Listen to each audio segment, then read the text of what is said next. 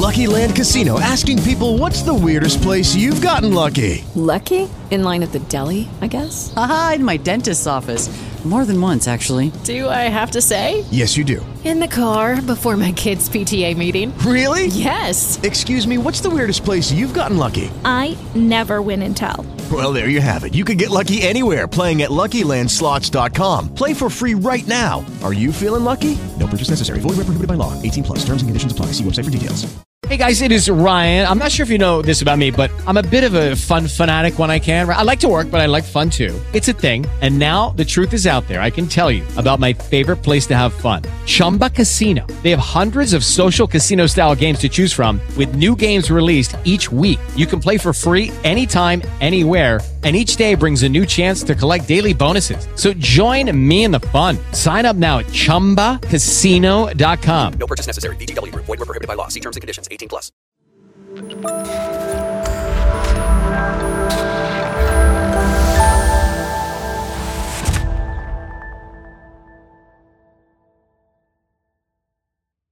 Patronlarımız Jing Dong, Kamil Niftəliyev, Ayal, BZ, Rəşadət Şərifov, Sona Nəsirli, Hüseyn Həsənzadə, Samir Məmmədov, Rəşad Kərimov, Rəşad Hüseynliyə təşəkkür edirik. Salamlar. Axşam xeyir.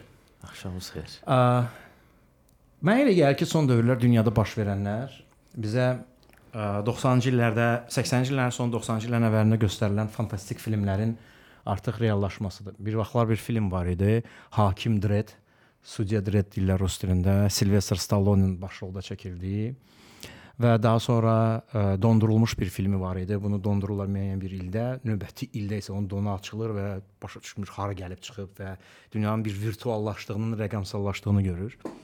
Və m, sanki belə bizim üzərimizdə bir sanki bir eksperiment eləyirlər. Mənə elə gəlir, bilmirəm. Vaqif sən nə fikirləşirsən? Biz böyük bir eksperimentin içərisindəyik. Ə, öncə salamlayıram hamını. Ə, əslində həyatımız ümumiyyətlə eksperimentlərdən ibarətdir də. Həm fərdi olaraq, şəxsi olaraq eksperimentlər eləyirik, həm də biznes olaraq eksperimentlər eləyirik. Biz ümumiyyətlə startap olaraq demək olar ki, həftənin bütün günləri eksperiment eləyirik və həftənin sonu bunlar eksperimentləri yoxlayırıq da. Yəni demək olar ki, eksperiment içindəyik. Eksperiment üçün um, Chen bu Zuckerberg'in təqdimatına baxanda, Meta-la bağlı təqdimatına baxanda mən onda nəsə bir qəribəlik hiss edirəm. Ümumiyyətlə son dövrlər onda bir qəribəlik var. Müsahibələrə baxsan təbii deyil. Sanki o özü artıq o dünyanın içərisində yaşayır və o dünyadan çıxanda özünü itirir də. Çünki o bəlkə də avatar olaraq daha təbiidir. Black Mirror, hə? Aha, Black Mirror. E, Bildiyim Black Mirror-dır da orada da. Yəni adam reallığa qaydanda isə tamamilə başqa bir formada bir şey olur. Mən istəyirəm ki, ən birinci elə bundan başlayaq. Meta dünya nədir? Və biz orada nə işlə məşğul olacağıq? Ümumiyyətlə lazımdır bu bizə.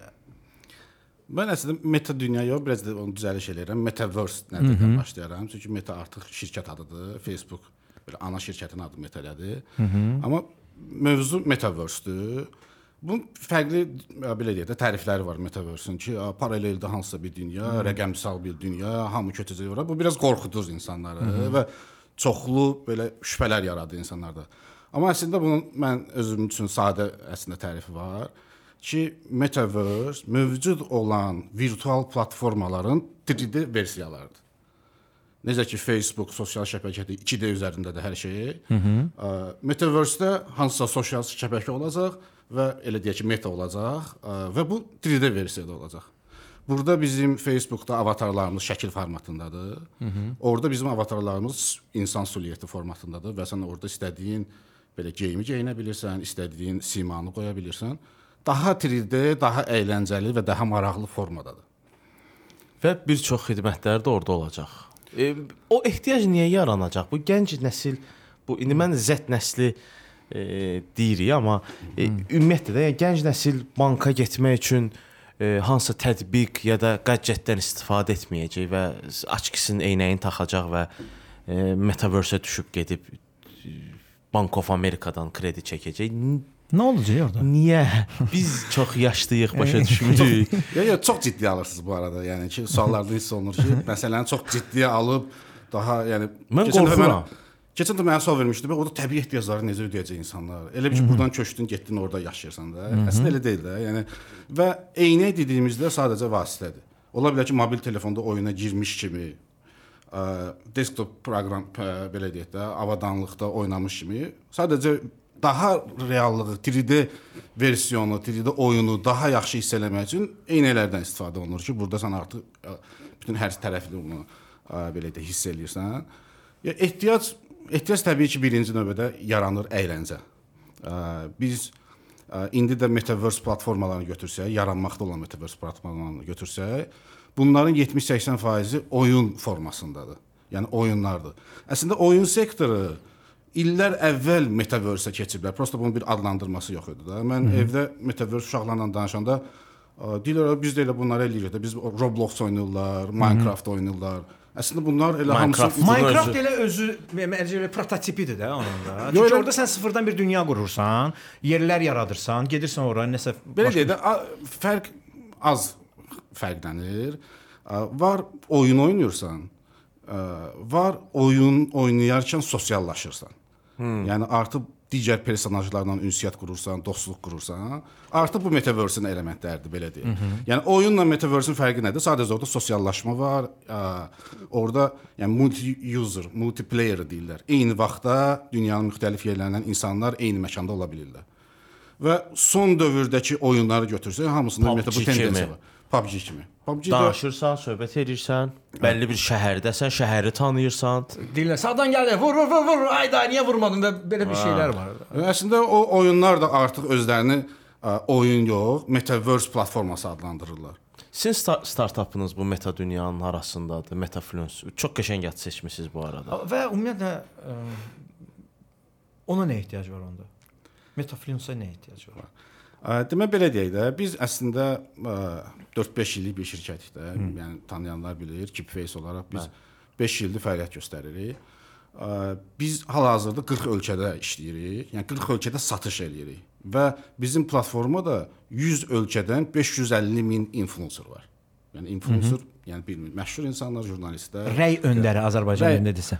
Fenomenlər deyirlər, rəy öndərləri deyirlər. Yəni Yəni fenomen sözü ora getmir. E, söz Fenomen çox belə işsiz şeydir də. Biz elə ad qoya bilmirlərsə, hep deyə bilmirlər ki, radio aparıcısı. Deyirlər fenomen. Fenomen. Yəni o, o onu oturmur da. Fenomenal hadisə nədir? Sən bunu izah edə bilmirsən. Hə, bu nədir izahsız adamdır İzahsız bir da. şey. Bu izahsız adamdır. Yəni rəy öndəri Azərbaycanca ən belə düzgün oturan bir şeydir. Çünki bu rəy yaradır. Nəyinsə haqqında rəy yaradır. Hamısı o deyil də. Hə, yəni hə. rəy yaradan deyil. Məsələn, bir dənə fotoqraf deyək, bunun çoxlu izləyicisi var. Bu rəy yaratmır da, insanların fikrini dəyişir. Məncə də Sadəcə maraqlı kontent yaradan bir belə deyək də. Məzmun yaradıcısı. məzmun yaradır. Yəni ona görə elə biz elə adı elə qəbul eləmişik ki, influencer işlədirik. Ə, Deyək 550 min influencer var bizim 100 ölkədən. Biz birinci bu mövzuya başlayanda biz 40 ölkədə satış eləyirik, 100 ölkədən influencerlara pul ödəyirik. Burada bir böyük bir çətinlik var və bu arxada biz bir növ bizə deyirlər ki, siz marketinq texnologiya şirkəti deyilsiniz də, siz fintechsiz, yəni hmm. maliyyə şirkətisiniz. Çünki arxada böyük bir oper operasyon var. Və biz burada bank köçürmələri, hər ölkənin özünün qanunvericiliyi və bu ödəmələrin e, gedib həmin e, influencerlara çatmasındakı vaxt itkiləri biz dedik ki, biz ümumiyyətlə blockchain texnologiyasını tətbiq eləyək. Və blockchain texnologiyası özümüzün kriptovalyutasını yaradaq və bu bizim daxildə baş verən bütün tranzaksiyalar öz kriptovalyutamızda baş versin. Satan və yaxud da ki, ə, pulu alan istədiyi vaxt bunu ə, istədiyi valyutada da dəyişə bilsin. Bu coindir yoxsa tokendir? Bu tokendir. Tokenlə coinin arasındakı fərq nədir? Coin Bitcoin'dir. Ethereum'dur. Amma var tokenlar hansısa bir platformanın altında yaratmış altcoin'lar deyirlər. Altcoin'lar bərabərdir token. Məsələn, bu neçə gündür coinlərdə vəziyyət yaxşı deyil. Sizin də o tokenə o qlobal şey təsir eləyir. Yəni mən niyə alım sualından daha çox alsam gələcəyi görə biləcəm sizin Ümumiyyətlə tokenda. bu ə, riskli sektordur da. Necə ki şirkət səhmlərini alırdıq, forex-lə məşğul olanlar var idi. Bu riskli idi. Ümumiyyətlə riskli investment alətləridir. Kriptovalyutaya trading eləmək bu ümumiyyətlə qat-qat riskli bir əməliyyatdır da. Ona görə mən ümumiyyətlə bilgisi olmadan, prost ə, sadəcə bunu ə, yoxlamaq adına bu investment alətlərindən istifadə eləmək olmaz. Ə, ümumiyyətlə bazarda tendensiya olur, trend olur da. Yəni bazarda ümumiyyətlə kriptovalyutanın artan dövrü olur, azalan dövrü olur. Hansısa birdən xəbər çıxır ki, hansısa ölkə qadağan elədi hansısa krip kriptovalyutanı və bu ümumiyyətlə bazara təsir eləyir.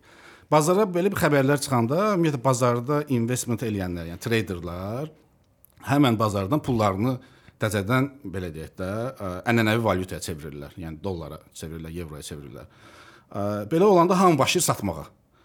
Sat, sat satdığı zaman bütün bazarda belə deyək də, bütün kriptovalyutalar enməyə başlayır.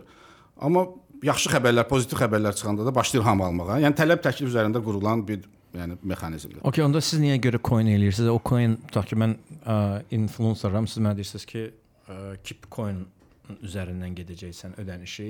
Mən onu harda dəyişəcəm, necə dəyişəcəm? Mən axı pulu real versəniz daha mənə mə, məqsədə uyğundur. Necə olur? Yəni biz belə deyək də, biz əslində 2018-ci ildən bu proyekti başlamışdıq, sonra dayandırdıq. Adı da Chipcoin idi, coinimizin adı. Ə, amma biz bunu dayandırdıq nəyə görə? Bazarda yeni çıxan çoxlu skam, yəni belə deyək də, fırıldaqçı şirkətlər çoxaldı. Hansı ki onlar invest investorlardan pul yığırdılar və bir növ aradan çıxırdılar da. Bu tendensiya artdığına görə biz bu proyekti dayandırdıq ki, bizim də istəmirdik ki, adımız belə deyək də, bu neqativ ortamda olaq. Hı -hı. Ə, amma 2021-ci ildə artıq bir növ bazar düzəlməyə başladı, belə deyək. Və biz başladıq hə, yenə də Chipcoin dediyim məntiq üzərindən tranzaksiyaları həyata keçirən bir dənə ekosistemimiz. Zaten bizim içimizdə bir iqtisadiyyat var. Bunu öz kriptovalyutamızla eləyək. Amma ə, bizim ə, belə deyək, məsləhətçilərimiz, advisorlarımız var. Onlar dedilər ki, artıq trend bu hardasa ə, avqust aylarında baş verdi bu. Trend artıq NFT bazarına bu haqqda danışarıq bəlkə də metaverse ə, gedir və məsləhət gördülər ki, biz ə, ümumiyyətlə öz ə, platformamızı metaverse-ə keçirək. Və biz də elə adını yay aylarında eşitmişik metaverse-in. İndi özümüz metaverse qururuq da. Çox qısa vaxtda bu baş verib. Ə, Və biz də yəni komanda olaraq qərar verdik ki, biz metaverse-ə keçirik və rebranding elədik. Artıq biz Chipcoin deyilik, bizdə Metafluence oldu. Metaverse ilə influencer sözünün bir növ belə birləşməsindən əmələ gəlib. Ə, Və kriptovalyutamızın adı da Chipcoin deyil, Metodur. Meto. İndi bir dənə şey yarandı. Deməli, ə, müəyyən bir platformalar var ki, siz orada öz dünyanızı yarada bilirsiniz və bir token yaradırsınız, o tokendən içəri giriş eləsinlər. Düzdür? Necə yox, baş verir hə, proses? yox. O meta dünya necə qurulur? Ümumiyyətlə iki cür bu dəqiqə metaverse şirkətləri var. Var plugin kimi sən bir dənə hansısa bir ideyan var. Başqa metaverse-lərdə sən plugin kimi qoşulursan, orada hansısa bir xidmət göstərirsən. Bir də var sən öz metaverse-ünü yaradırsan. Bizdə ikinci versiyadır. Yəni biz öz metaverse-imizi yaradırıq. Bir növ öz dediyimiz biz influencerlar üçün metaverse yaradırıq. Yəni ideya nədən ibarətdir? Biz ə, 2019-cu ildən başladığımız bir proyekt var idi. Biz influencerları entrepreneurə, yəni sahibkara çevirmiş çeviririk adı ilə bir dənə təzə proje başlamışdıq. Türkiyədə bunu elədik. 200-dən çox influencerın e-commerce mağaza açdıq. Yəni biz deyirik ki, madam ki, influencerlar markalarla işləyirlər, amma eyni zamanda da həmin influencerlar həmin markaların satış təmsilçiləri ola bilərlər. Və bu ideya ilə biz influencerlara mağazalar açmağa başladıq. Yəni hazır platforma verirdi. Yəni Shopify kimi deyək, amma Shopify-dan fərqli o, idi ki, bizdə hazır markalar var idi, anlaşılmış 300-dən yuxarı və hazır texniki olaraq alət hazır idi. Yəni influencer gəlirdi 3 dəqiqənin içində 5 kliklə öz mağazasını qura bilirdi, sevdiyi markalarla, sevdiyi ürünləri yerləşdirərək. Biz elə bu ideyanı dedik ki, bunu metaverse-ə keçirək, bu, bu platformanı. Və ideya bundan ibarətdir ki, bizim metaverse bir dənə xəyali bir planetdir. Bu planetdə Metafluence adında bir dənə şəhər var. Bu şəhərin mərkəzi var və şəhərin ətrafında Metahat deyilən evlər var. Bu Metahat evləri influencerlar arasında nəzərdə tutulmuş evlərdir. Hı -hı. Bu evin məntiqi ondan ibarətdir ki, influencer necə ki, ə, belə ənənəvi biznesdə biz ona mağaza açırdıq. Biz indi ona ev veririk. Hansı ki, otaqların içində ə, həmin evin içərisindəki otaqlardan biri yenə də ə, alış-veriş otağıdır. Yəni shopping room deyirik buna. Ə, deməli bizdə ondan yuxarı otaq növü var. Hı -hı. Bu ondan yuxarı otaq növünün hələlik üçünü biz konseptini belə təqdim eləmişik, o bizlərin üzərində çalışırıq. Biri nədir? Event room deyirik, yəni tədbirlər otağı. Yəni influencerlar burada öz izləyiciləri ilə maraqlı tədbirlər təşkil edə bilər, parti ola bilər, təqdimat ola bilər və s. formada. Ə, və orada daha yaxşı bir növ Söhbətgahın orada otağını açaq. İndi okey. Mən söhbətgahın otağını açmaq istəyirəm. Söhbətgah ə, metaverse götürək. Adam ə, bir otaqdır. Biz Avatar 3D-də bir avatar yaratmalıyıq. Yaratdıq. Mən necə danışacağam orada? Yaratdım, okey. Mən, mən yenə mikrofon qabağına çıxıb bu cür danışıram və sadəcə o ağzını bağlayır yumruğuna. Necə olur? Hə.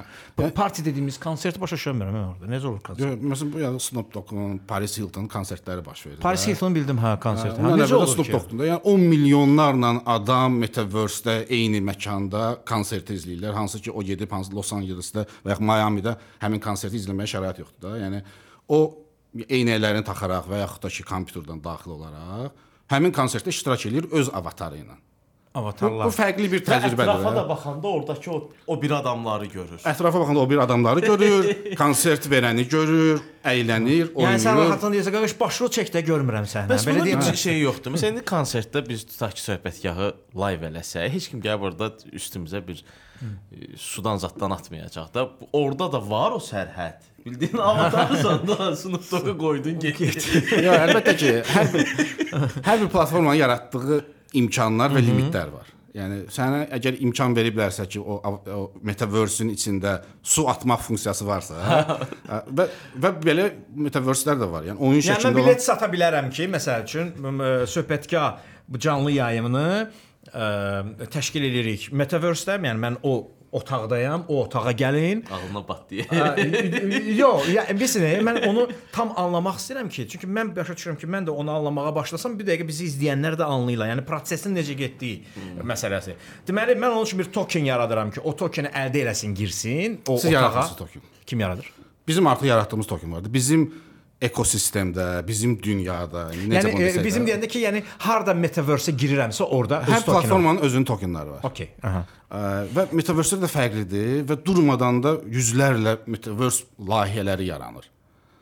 Bunlar hamısı blockchain-in üzərindədir. Bunların hə əlbəttə ki, blockchain üzərində olur. Ümumiyyətlə kriptovalyuta, blockchain bu yəni bir-birinə bağlı olan bir məsələdir də. Yəni ə, təbii ki, blockchain üzərində olur. Ə, amma o bildiyimizin görüntü görüntü 3D modeling hissələri, bildiyimiz oyun necə yaradılırsa eyni formada yaradılmış. Saç seçirsən, üzü. Bu e, insanın həm də reallıqdan biraz uzaqlaşması demək deyilmi? Yəni mən reallıqda bu cür deyiləm, amma avatarım məni ə, Təmsil iç, iç dünyamı təmsil edir. Çünki bəzən ə, götürsək ki, bundan öncəki o ə, deməli Odigonun, ICQ-nun və ya digər o ə, Mail.ru-nun özünün bir Azərbaycan otağı var idi. O otağa girirdin, chatlar gedirdi və hər an adın bir adı var idi. Bu adlar və ikonlar bizim iç dünyamızı, dünya görüşümüzü göstərirdi. Bu insanı reallıqdan ayırmır ki. Məsələn o e, Zuckerberg-də mənə elə gəlir ki, adam artıq onun o qədər içindədir ki, o reallığa gəldi dedi ki, bura maraqsızdır, ora yaxşıdır. Hə, Bəzən mən bu ə, tendensiyanı hiss eləyirəm ki, ümumiyyətlə ə, metaverse-i qırağa qoysaq, ümumiyyətlə siz deyən tendensiya indi də var o. Facebookda da var, Instagramda da var. Yəni Instagramda olan elə biz influencerları deyək, influencerların çoxusu heç həyatda fərqli insanlardır. Yəni onlar Instagramda fərqli görünmək istəyirlər. Facebookda ola, Vaqif Abbasov mənim üzümə deyirlər ki, sən Facebook daha ciddi insana bənzəyirsən, həyatda biraz daha başqasın da. Yəni onsuz da ikili şəxsiyyət formalaşır virtualda. Fərqi yoxdur bu metaverse-də, fərqi yoxdur bu ə, TikTokda yəni. Facebookda, TikTokda. Bu bu onsuz da baş verən tendensiyadır. Bu bunu metaverse-ün üzərinə yıxmaqla ehtiyac yoxdur. Hə, metaverse-də bunu daha yaxşı eləyəcəklər. Sən orada həyatda olmadığın personaja çevrilə biləcəksən. Sən orada uça biləcəksən də. İndi o hər platformanın verdiyi imkanlar var. Yəni bu imkanlar daxilində metaverse-in verdiyi imkanlarda sən ikinci şəxsiyyətin olacaq, hansı ki o səni təmsil eləyəcək orada. Yəni və orada da sən məşhurlaşmaq istəyəcəksən, orada da sən yaxşı paltar geyinmək istəyəcəksən, orada sənin yaxşı avtomobilin olmasını istəyəcəksən. Yəni bu onsuz da həyatda baş verən prosesdir ki, metaverse-də də bu davam eləyəcək. Və bu proses metaverse yaradıcılarına, yəni platforma sahiblərinə pul gətirəcək. Okay. Deməli mən otaq yaradıram, tokeni ə, metaverse yaradıcısı mənə token verir. O tokeni nə ilə alırlar? Yox, proses belə baş vermir. Siz ümumiyyətlə evi biz sat satırıq. With the Lucky Land slots, you can get lucky just about anywhere. This is your captain speaking. Uh, we've got clear runway and the weather's fine, but we're just going to circle up here a while and uh, get lucky. No, no, nothing like that. It's just these cash prizes add up quick. So I suggest you sit back, keep your tray table upright, and start getting lucky. Play for free at LuckyLandSlots.com. Are you feeling lucky? No purchase necessary. Void where prohibited by law. 18 plus terms and conditions apply. See website for details. With Lucky Land slots, you can get lucky just about anywhere. Dearly beloved, we are gathered here today to. Has anyone seen the bride and groom? Sorry, sorry, we're here. We were getting lucky in the limo and we lost track of time. No, Lucky Land Casino, with cash prizes that add up quicker than a guest registry. In that case, I pronounce you lucky. Play for free at LuckyLandSlots.com. Daily bonuses are waiting. No purchase necessary. Void where prohibited by law. 18 plus. Terms and conditions apply. See website for details.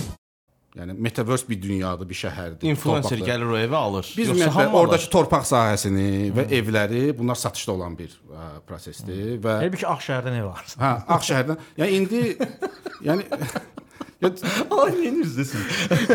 Aha. Yəni məsələn Türkiyədə bu çox məşhurlaşıb indi bu məsələ. Xüsusi agentliklər var ki, necə ki real estate-də, yəni Hmm. agentliklər var idi ki, bunlar nə bilim İstanbulda, Boğaziçi'ndə, orada burada ev satırlar. İndi metaverse Uyda. proyektlərində ev satan agentliklər yaranır.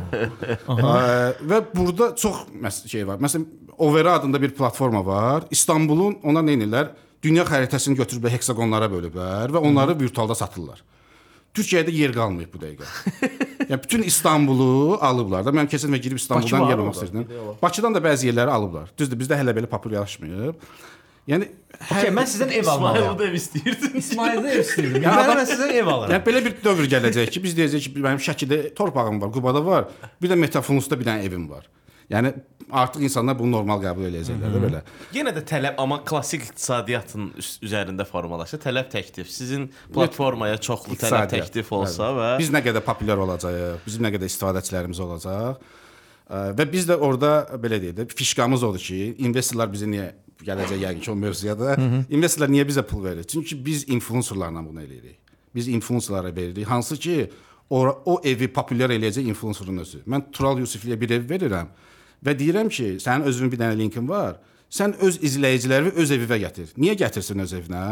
Burada biz əsas 2 dənə vizyonumuz var influencer üçün. Öz izləyiciləri ilə daha yaxşı engage olmaq, yəni ünsiyyətdə olmaq, bir formada əyləncə qura bilmək. İkinci bunun monetizasiya məsələsi. Yəni sən daha yaxşı Instagramdan sadəcə sən limitli post eləyə bilirsən. O da çox eləyə bilmirsən. İzləyicilər deyir ki, nə oldu? Yəni sənin reklama döndü bütün Mhm. şeyin, feedin. Və orada daha yaxşı alətlər verək ki, onlar bu öz izləyicilərini və bu izləyicilər bir gücdür də. Yəni bunu daha yaxşı monetizasiya edə bilsinlər. Bizim bu otaqları da hamısını o məntiqlə yaradırıq. Evin dizaynını biz verə bilərik yoxsa Hələ ki yox. Ə, bizim indi standart bir dizaynla gedirik evləri, amma gələcəkdə planlamışıq ki, hər kəs öz 3D modelini. Çünki orada tək 3D modeldən getmir. Ola bilsin sizin bu bir dənə Höfsanda olan bir evinizin modeli var. Deyirsiniz ki, orada da həmin ev olsun. Onu Mhm. qoymaq rahatdır, amma orada gamification-ı qurmaq çətindir. Yəni evin içində girməlidir, gəzməlidir, nəyisə basanda hansısa bir Ha, interaksiya. mənim evimin içinə girə bilər o. Yəni mən yaratdığım ev, söhbətgah evi, qapını açdı, görə bilər pul qonaq- verəcək girmək üçün. Hə bayaq da yarımçıq qaldım biraz da siz onu tamamlayın. Orada sualların bəziləri orada var da. Yəni deyir deyir tədbir otağı var. Bu tədbir otağında siz müəyyən tədbirlər keçirə bilirsiniz. Məsələn Jennifer Lopez orada private party eləyir və bu limitlidir. 1000 nəfər qatıla bilər və ya 100 nəfər qatıla bilər bura. Və o eventin belə deyək də biletlərini pullu eləyə bilər öz izləyicidən. İstəyir pulsuz eləsin. Yəni o özündən asılıdır. Yəni biz ona monetizasiya tool veririk də və ya hansısa bir təqdimat eləyir. Hansısa bir marka ilə anlaşır, orada ə, ma, ə, nə hansısa paltarların göstərişini eləyir və s. İkinci otağımız NFT-nin sonra gələrəm çünki Hı -hı. NFT desəm çoxlu suallar çıxacaq orada. İkinci otağı shopping room deyirik, yəni alış-veriş otağı. Yenə də siz sevdiyiniz markaların ə, orada sevdiyiniz markaların məhsulları ilə öz mağazanızı yarada bilirsiniz. Sənin izləyiciləri ki, bura gələcəklər, vizitorlar, qonaqlar gələcəklər bura. O məhsullardan aldığı zaman siz orada öz ə, belə deyək, satış komissionunuzu əldə edəcəksiniz. Orada da hər influencer özünə görə eləyir. Məsələn, Tural Yusifli orada avtomobillə bağlı bir mağaza aça bilər. Və yaxud da ki, hansısa bir fashion blogger orada bir geyim mağazası aça bilər və yaxud da ki, hansısa bir telefon mağazası. Mhm. Burada fərqli konseptlər var. Burada həm virtual məhsullar var, Gələcək mövzuya NFT mövzusuna. Bir də var fiziki məhsullar. Fiziki məhsullar bildiyimizdə girirsiniz orada alırsınız və həmin məhsul sizin evinizə gəlir. Məsələn, bu yaxınlarda Walmart-ın qurduğu bir dənə metaverse var. Elan etmə metaverse edirəm. Supermarketdir. Girirsiniz, Kaleskada gedirsiniz, istədiyiniz məhsulları əlavə eləyirsiniz orada və sonuçda həmin məhsullar sizin evinizə gəlir. Yəni metaverse-ün də real həyatla bir ə, belə deyək də inteqrasiyası ol ola bilər. Yəni burada ona görə deyim, metaverse çox da böyütmək lazım deyil də. Bir var alış-veriş saytında 2D versiyonda bunu eləyirik. Eyni təcrübəni 3D versiyonda eləyirik. Eynəkləri taxıb eləyirik. Orada daha yaxşı imkanlar var da. Burada məhsulu əl uzadanda oradan bir dənə qız çıxır ki, məhsulun haqqında informasiya verir və s. imkanlar daha genişdir. Yəni marketdə də qızlar gəlir, əllərinə. Kalbasan da istəmirəm. Mən veb saytdan nəzərdə Hə, tuturam da, alış-veriş, e-commerce mağazalarını Aha. nəzərdə tuturam ki, orada limitlidir bu. Və ikin, üçüncü otağımız NFT qaleriya otağıdır. NFT showroom deyək buna. Hı hı. Bu hansı ki ə, virtual əşyaları vır sərgilədiyim bir yerdir. Virtual əşya nədir? Bizim həyatda telefonumuz var, əşyalarımız var da, bizim paltarlarımız var, avtomobilimiz var. Eləcə də virtual həyatda artıq insanların ə, əşyaları yaranır və insanlar əşya sahibi olmaq istəyir. Necə ki həyatda olmaq istəyirlər, virtualda da bu baş verir. Və 2021-ci ilin statistikasına görə 23 milyardlıq bir dövriyyə var bu NFT bazarında. Bir də sual. Əşyaya sahib olmaq istəyir dediniz. Məsələn, e, mən bir ara PUBG-yə çox dadanmışdım. Clash of Clans-də də pul xərcləyirdim. PUBG-də də biraz pul xərclədim. Yəni bir müddət sonra o papaq var ya tüklü, onu istəyirsən. Niyə? İstəyirsən də sən qoy Papağım dö olsun. döyüşəndə orada tüklü şey papaq ol. Mütləq istəyirsən. Hə. İndi o tüklü papaq NFT ilə eyni məntiqdir də. Mən istəyirdim ki, mənim o avatarım yaxşı geyinsin. Ha. Burada ə, iki dənə gedib pullar. Bu verilişdən sonra bir dənə psixoloq da çağıraq. Mən buna avlidə olmaq özü bir psixoloji şeydir də. Yəni əşya sahibi olmaq insanların təməl ehtiyaclarıdır da. Yəni bu lap ibtidai icma quruluşundan var da. Məsələn, silahım olsun, ona necə. İki dənə məqsəd var burada. Ə, var əşya hansısa sənə imkanları yaradır. Mənim nizəm var. O yaxşı ovçuluq eləmək üçün mən nizədən istifadə etmək. Mhm. Mən əşya istəyirdim olsun. Oyunda yaxşı avtomat var, pis avtomat var da. Yaxşı avtomat pulludur, pul ödəyirsən onun üçün. Ə, bir də var. Ə, insan özünü tatmin eləmək üçün tüklü papaq. Maslow'un hamı adi standartdır orada. Sonu. Mən də tüklü papaqla döyüşürəm. Maslow piramidasının son şeyidir də. Hə. Yəni ə, 10 milyon bayaq dediyiniz kimi bir konsert baş verir və 10 milyon insan qatılır ora. Sən orada Gucci-nin sumkası ilə kampçaya getmək istəyirsən. Sən, sən Konsertə. seçilmək istəyirsən. Ümumiyyətlə həyatda da bu var. Biz yenə də bunu həmişə deyirlər ki, metaverse-də insanları belə yəni qaranlığa aparır ona görə, amma həyatda da var da bu. Yəni insanlar niyə iPhone 13 çıxan kimi 12-ni tez tez 13-ü keçmək istəyir? Onun funksiyonalı onlar üçün maraqlı deyil də. Düz maraqlı olan bilən insanlar da var. Amma tatmin olma var və göstəriş var burada. Ki mən artıq iPhone 3-ə keçdim də. Bu ə, yəni bu psixoloji bir məsələdir də. Və eyni proses virtualda baş verir, metaverse-lərdə baş verir ki, mən orada müəyyən əşyalar olmaq istəyirəm. Misal deyim, Gucci-nin bir dənə sumkası var, hansı ki fiziki olaraq 3200 neçə dollar idi. Yəni bir fiziki olaraq satılan. Eyni sumkanın virtual versiyası 4000 neçə dollara artıq satıldı da. Yəni insanlar yəni o tatmin olma, o ə, şeylər üçün ə, ə, bahalı ə, ödənişlər etməyə hazırdılar. Təbii ki, adamı insanlara belə ə, bir, biraz qəribə gəlir, amma biz artıq 6 aydan çoxdur bu işin içindəyik və mən artıq yavaş başa düşmüşəm, hə niyə bunu eləyirlər, niyə istəyirlər və bundan da küllü miqdarda pul qazananlar var. Böyük markalar artıq biz də müraciət eləyiblər, bəziləri ki, biz də sizin metaverse olmaq istəyirik. Bayaq deyirdim ki, metahatları influencerlar eləmişdik. İndi çoxlu sayda şirkətlər gəliblər ki, biz istəyirik bizim orada metahatımız olsun, evimiz olsun, orada mağaza açaq, orada öz müştərilərimizi gətirək falan eləyək. Biz artıq metahatı ikinci taypını yaratmışıq şirkətlərə satılanda. Və böyük markalar var ki, bu dəqiqə metaverse keçirlər də. Yəni bildiyiniz məşhur markalar hamısı Nike-dir, Adidas-dır. Adidas-ın futuristik krossovkalar var, metaverse üçün yaradır. Yəni bir dənə Google-da axtarış eləsək, O, bu mənim belə bir şey, yəni bu kütlələrin idarə edilməsidir də. Yəni artıq ə, bildiyim qədərilə ə, Ray-Ban-la Facebook eynək istehsalına razılaşıblar. Bu ki eynək qeydə alır. Bildiyin ə, şeydəki ə, ə, Black nə idi adı? Black Mirror. Hə, Black Mirror-dakı eynə ilə qeydə alırsan və sonra baxar ətrafda nə baş verib. Eyni şey belə edirsən, eyni şeydir və orada səhv etmirəmsə, ə, AR reallıq da var. Yəni sən gedəndə yolda gözün qabağına reklam da çıxır və s. VR AR deyirlər Hə. VR AR, hə, ki yəni sən ə, biz Vaqifə baxanda artıq Vaqifin yanında biz reklam da görə bilərik. Yəni ödəniş olunub və artıq adama reklam da çıxır. Ə, yəni belə bir qəribə bir söhbətdir və Maraqlı startap. Hə. Şirkətlərinin reklamını Taksi- Burada da maraqlı hə, hə. Baş edə bilərsən. Deməli, ə, Allah olsun bu virtual reallıq ə, dəbilqəsi, onu taxırıq və bu o deməkdir ki, şirkətlər bizim ə, maraqlarımızı, zövqlərimizi, seçimlərimizi, hər şeyimizdən, bütün datalarımızdan xəbər olur ki, hətta hisslərimizdən belə biz nəyə sevinirik, nəyə kədərlənirik, bütün hisslərimizdən xəbərdar olur. Və o məni məndən yaxşı tanıdığına görə artıq məni kontrol etməyi də su içməyə qədər asandır. Böyük korporasiyalar təbii ki, buradan böyük bir pullar qazanacaqlar, amma e, bu həm də kütlənin idarə edilməsidir. Çünki hər şeyimizi bilirlər də. 100% elədir. 100% elədir.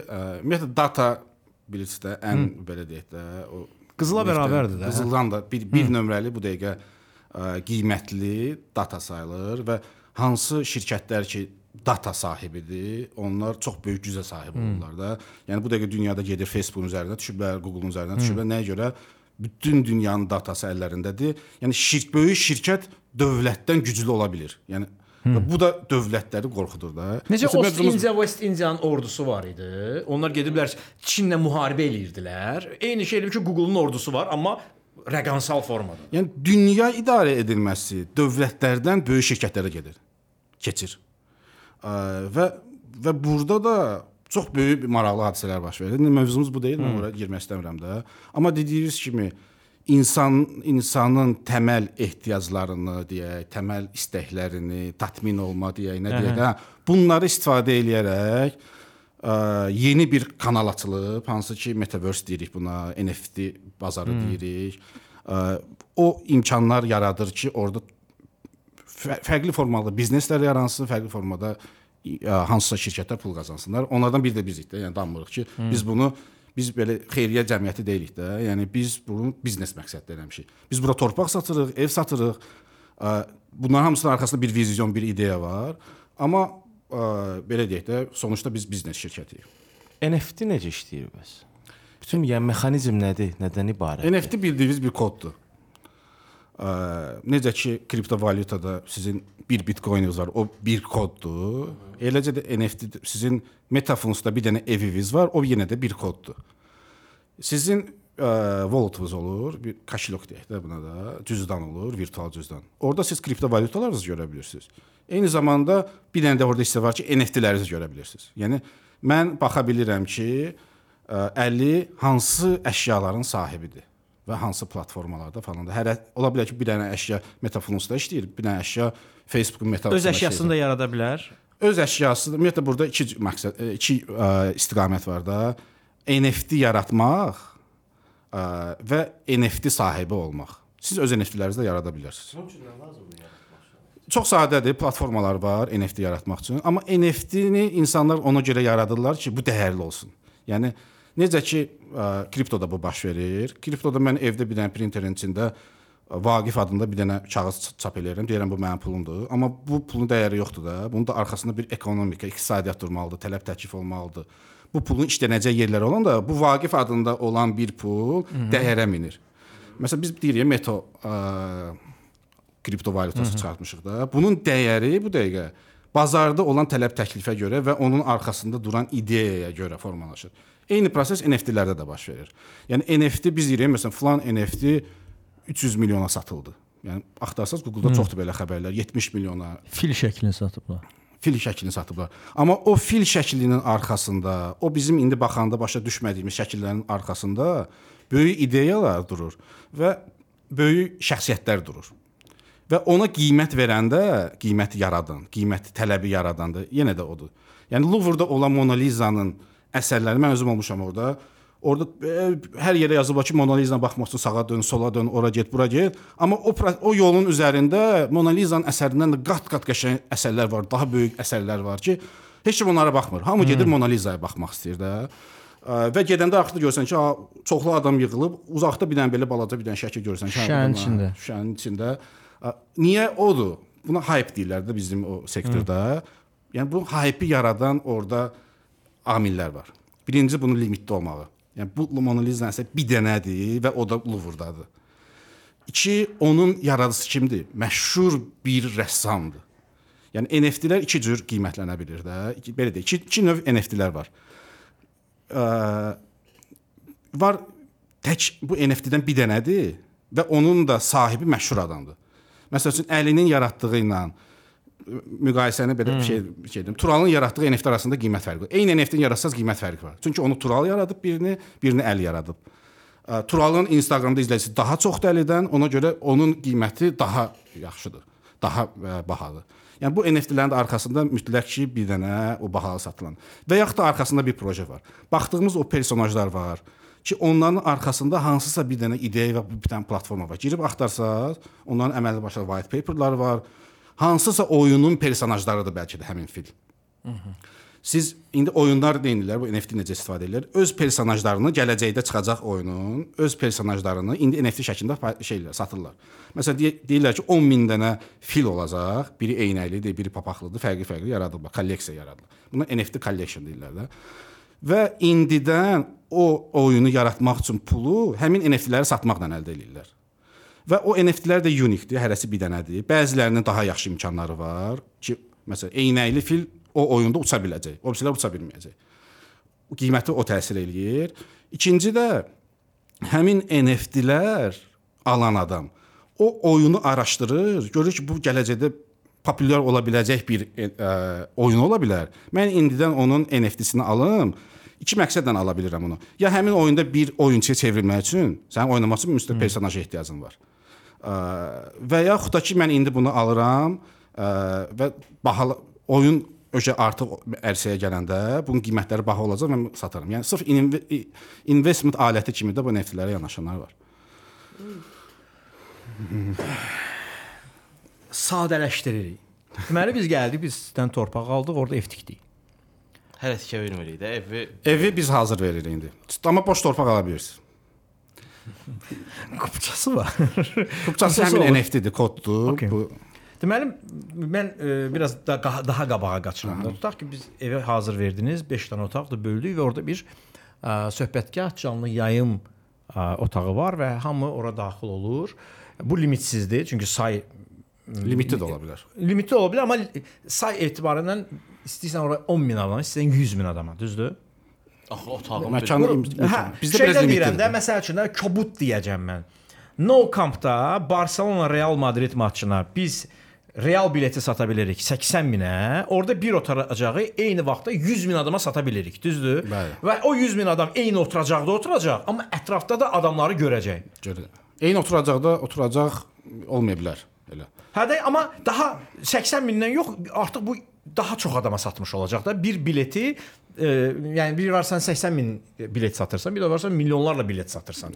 Yəni Var elə hə, hə, televiziyada baxmaq prinsipcə kabel televiziyasına baxanda o qədər ucuzdur, amma bir var bileti satmaq məsələsi. İndi biz otaqda tutaq ki, biz deyirik ki, cəmaət bizim biz şey, canlı yayımız var. Biz orada necə danışacağıq?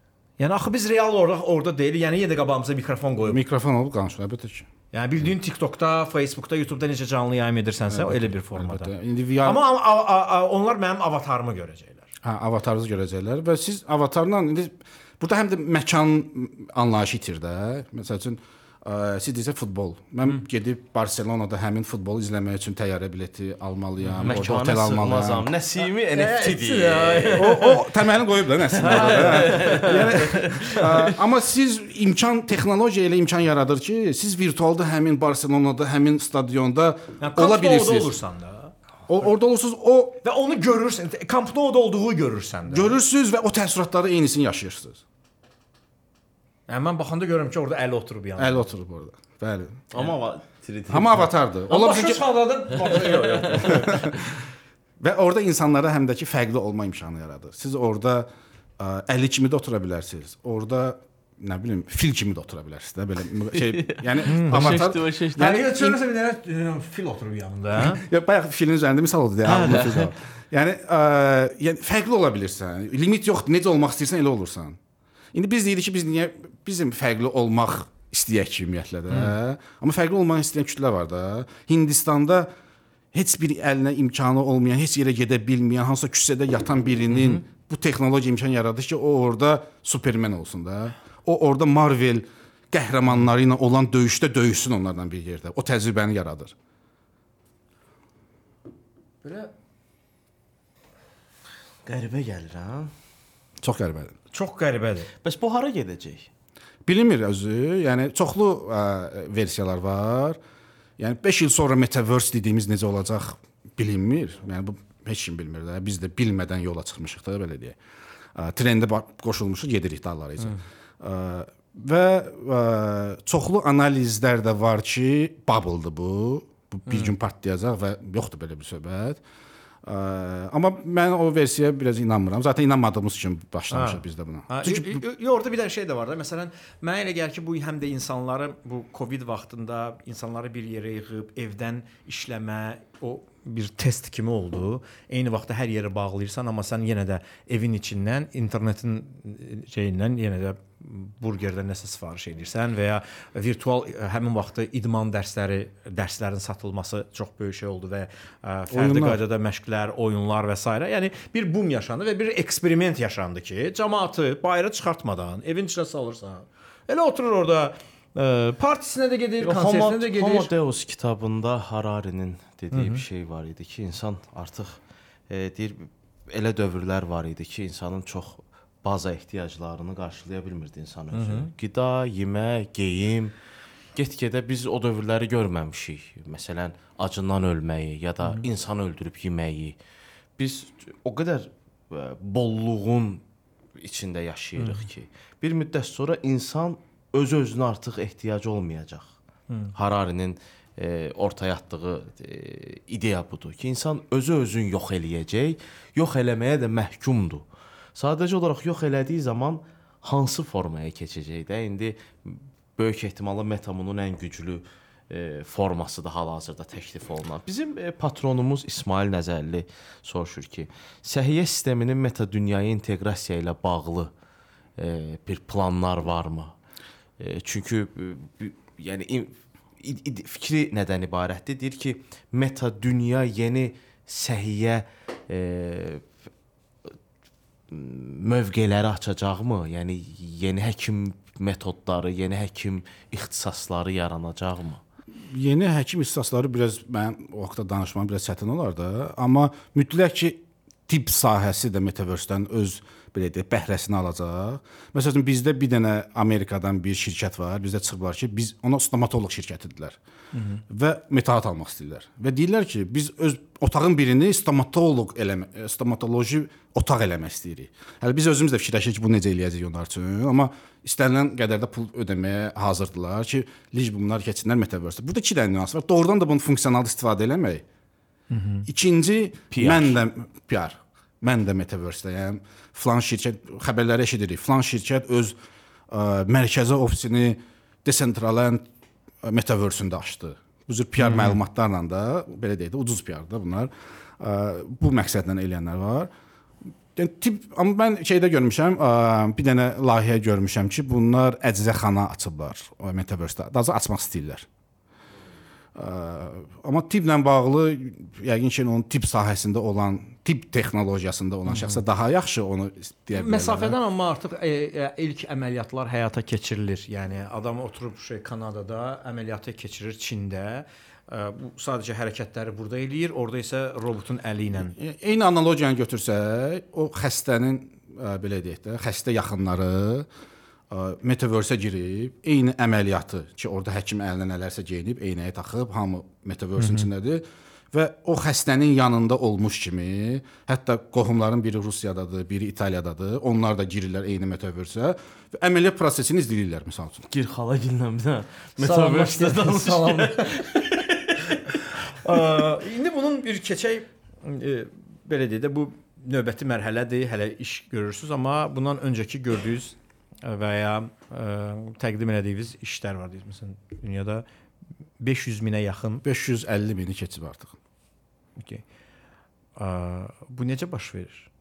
Eyni anda 500 neçə min adam sizinlə bərabər işləyənlərdir. Bu adamlara layihənin göndərilməsi var, bu adamın layihə ilə razılaşması var, koordinasiya var. Sizin nə qədər işçiniz var? Və ümumiyyətlə bu necə proses necə baş verir? Bizim bizdə ümumiyyətlə nədir? İlk onca onu başa salım ki, belə rahat olsun sonrakı mövzularda. Var startapda ə, kateqoriya var. Buna marketplace-lər, bazar yeri. Ə, Bazar yeri nədir? Ə, Orda alıcı var və satıcı var. Yəni bir bazar necə ki, alıcı satıcı var. Biz bizim influencer marketinqi bir bazar yerinə çevirmişik. Necə ki Uber deyək ki, Uber taksi sürücüləri ilə taksi axtaranları birləşdirən bir platformadır. Biz də eyni zamanda reklam verənlərlə influencerları birləşdirən bir platformayıq. Onlar hər ikisi də daxil olurlar və onlar bir-birini orada tapırlar bir şəkildə və orada influencer marketinq kampaniyaları baş kampaniyalar baş verir. Və təbii ki biz də orada öz komissiyonumuzu qazanırıq.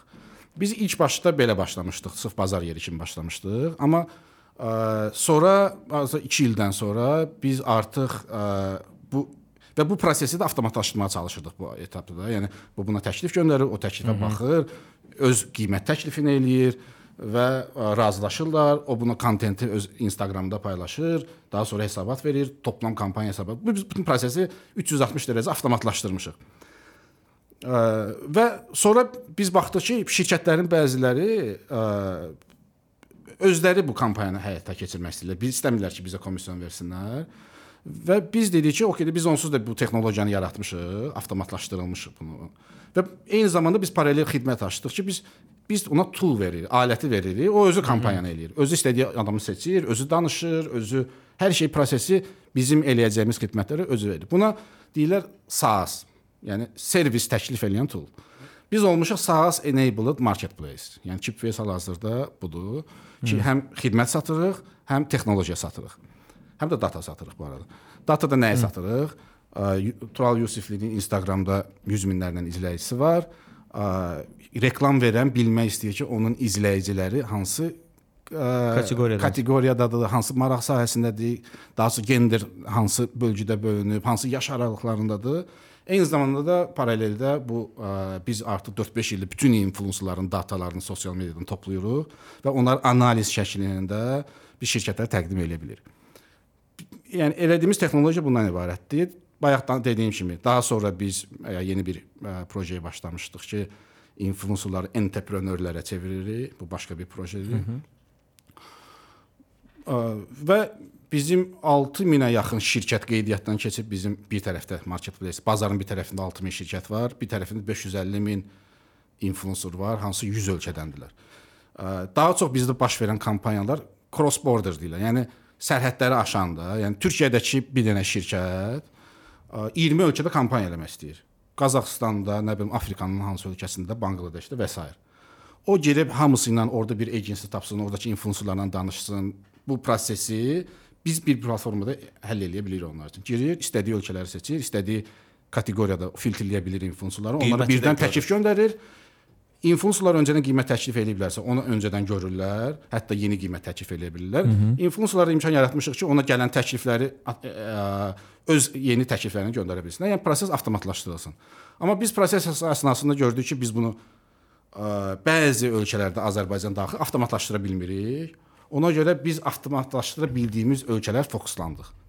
Azərbaycanda ə, avtomatlaşdıra bilmirik ona görə ki, adam birbaşa bir-birlərinin arasında razılaşa bilirlər. Yox, ə, şirkətlər istəyir ki, mənim yerimə sən elə onu Hə. gir mənim yerimə sən danış influencerla. Yəni bizə lazım biz startapıq da.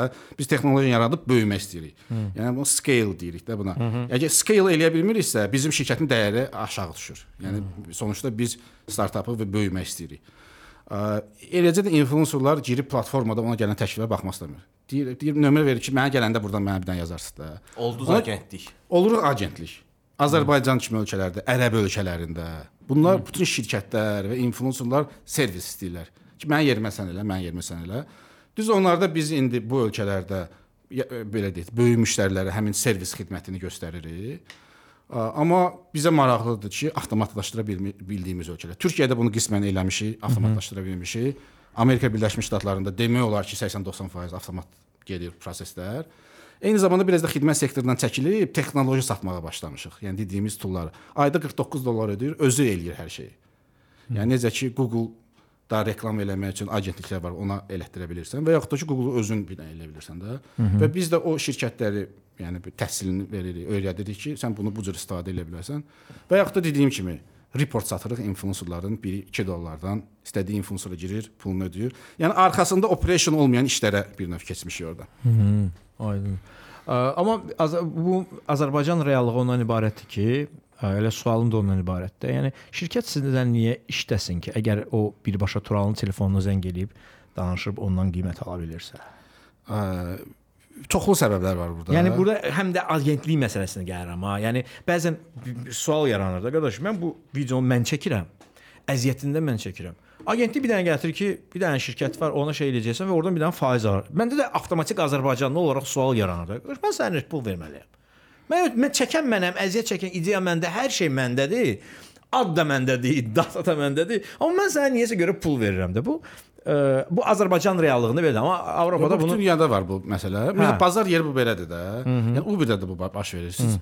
Uber-lə bir dəfə taksi ilə gedib taksi şoferinin nömrəsini Nömrəsini alsın. alıb, Hı. sonra da Uber-dən istifadə eləmədən də siz bunu xidməti istifadə edib. Bu bütün yerlərdə var. Bir də ki, gedib bazarda alma satanda da Bazar.com var da orada, bazarın sahibi var. Hı. Oradan ona yer pulu verirsiniz, nə bilim, ya faiz verirsiniz.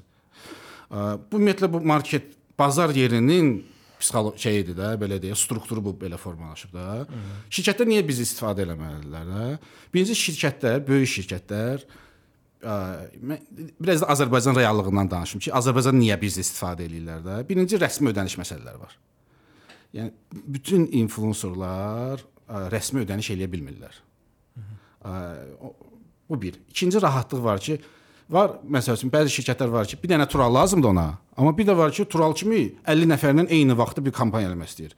O neçə dənə turalla danışmalıdır, onunla müqavilə bağlamalıdır, ona ödəniş eləməlidir, onun kontentini review eləməlidir. Sonra paylaşdımı, paylaşmadımı və burada da marketinq meneceri oturur ki, mən bu 50 nəfərin necə datasını yığıb müdirimə report eləyəcəm də. Yəni rep reportingi necə, hesabatı necə eləyəcəm. Mən oturub bir-bir bunu yoxlayıram, Instagram baxıram ne neçə dənə like gəlib, neçə dənə komment yazıram. Amma 1 saatdan sonra o köhnəlir də o data. O Mhm. təzə like-lar, təzə kommentlər gəlir. Biz bu prosesi avtomatlaşdırmışıq. Bunu istəyən şirkətlər var. Legal tərəfi var dediyim kimi, influencerda yaranan problemlər. Influencer niyə bizlə işləyir? Bəzi influencerlar var ki, sırf bizlə işləyirlər, yenə də legal məsələlər. Olub ki, çoxlu şirkətlər ona iş götürüblər, pulunu verməyiblər. Biz yenə marketplace, bazar sahibi olaraq nə edirik? Şirkətdən pul alırıq, özümüzdə saxlayırıq. Şirkət bilir ki, pul bizdədir. Influencer da bilir ki, pul bizdədir. Ortada çıxacaq hansısa bir disput hadisəsində, yəni narazılıqda biz qərar veririk ki, yəni tapşırığı influencer yerinə yetirib, hə yetirib, dediyin tapşırığı olduğu kimi yerinə yetirib. Biz deyirik, okey, bu pulu influencerın. Yəni əslində e, test sushi.az üçün deyil də bu. Bu e, böyük şirkətlər üçün çox faydalı. Yox, mən anlayıram. Məsələn, pro pro problemi ondan ibarətdir ki, ə, çox az hal halda bu ə, influencer dediyimiz və ya Instagramer dediyimiz və ya TikToker dediyimiz insanların böyünə olur. Bu adamlar vergi ödəmirlər. Halbuki məhsul satırlar, xidmət satırlar. Xidmətə görə əvəzini alırlar, amma vergi ödəmirlər. Mən vergi ödəyicisiyəm. Bu da mənə yer eləyir də. Mən ki, qardaş, mən vergi ödəyirəm axı. Mən hər şeydən vergi ödəyirəm. Sən isə vergi ödəmirsən. Üstəgəl yüzlərlə bir variant istifadə edirsən ki, sən bu vergini ödəməyəsən. E, elə vergi demişkən, mən istəyirəm gəlim keçək bu ə, bunun qanunvericilik tərəfinə. Bizdə nə qədər qanun, yəni söhbət elə konkret elə vergi məcəlləsindən gedir ki, bu məsələdə daha çevikdir. Məsələn, biz bərbərləri vergiyə cəlb eləmişik. Bərbərləri vergiyə cəlb eləmişik. Hətta küçə təmizləyən və ev təmizliyi ilə məşğul olanların bir fiks şeyi var. Müəllimlər vergiyə cəlb olunub. Amma blogerlər vergiyə cəlb edilməyiblər. Amma halbuki müəllimdən bəlkə vergi almamaq olardı. Ya Adamı öyrədir də. Bu ondan sonra bu vergi almayaq da. Amma blogerdən vergi almırıq. Mən deməzdim almırıq. Yəni vergi olandan şey eləyirik. Amma o işlərini gəlib eləmirlər yəni ki, axı. ümumiyyətlə o vergiyə cəlb olmama deyil də bu. Vergiyə hamı cəlb olunub. Prosta nəzarət mexanizmi varmı da? Yəni bloqerlarda bu dəqiqə nəzarət mexanizmi yoxdur. Amma nəzarət çox rahatdır da. Yəni Var da, ki, data var da, Filan əlində. Filan içkinin reklamını eləyən kimi zəng edirsən ki, gəl, ya da gesən gedirsən, sən də bir göstər bunun ərizəsini. E, Vergi ə, Verməlidir də vergi. Çevik deyil də. Nəzarət mexanizmi var, amma nəzarət aləti yoxdur da. Yəni mən bir dəfə bir dəfə də Facebookda yazmışdım, bilmirəm yadınızdadır ki, biz vergi orqanlarına əməkdaşlıq etməyə hazırıq.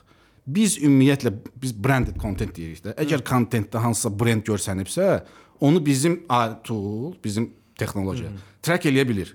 Zaten biz onu özümüz üçün track eləyirik ki, kimlər kimlə işləyir, necə eləyir. Bizdə bir arxada bir dənə belə bir strateji bir toolumuz var. Biz bunu ra- hazırıq vergi orqanlarına işləyə, hazır tool veririk onlara ki, onlar orada track eləyə bilsinlər. Ən az yoxlaya bir dənə pəncərə verəcək, orada bütün kim kimlə işləyir hamısı çıxır. Çünki müğənniyin nə edirsən? Müğənni bilirsən ki, hansı şeylə müqaviləsi ol var. Müğənninin toya getdiyi, o bir fix vergi ödəyirlər də, DSMF ödəyirlər falan. Onları 30-durdular. Yəni əslində müğənniləri vergiyə 30-durmaq daha çətin idi. Çünki sən hər şadlıq sarayını kontrol edə bilməzsən də.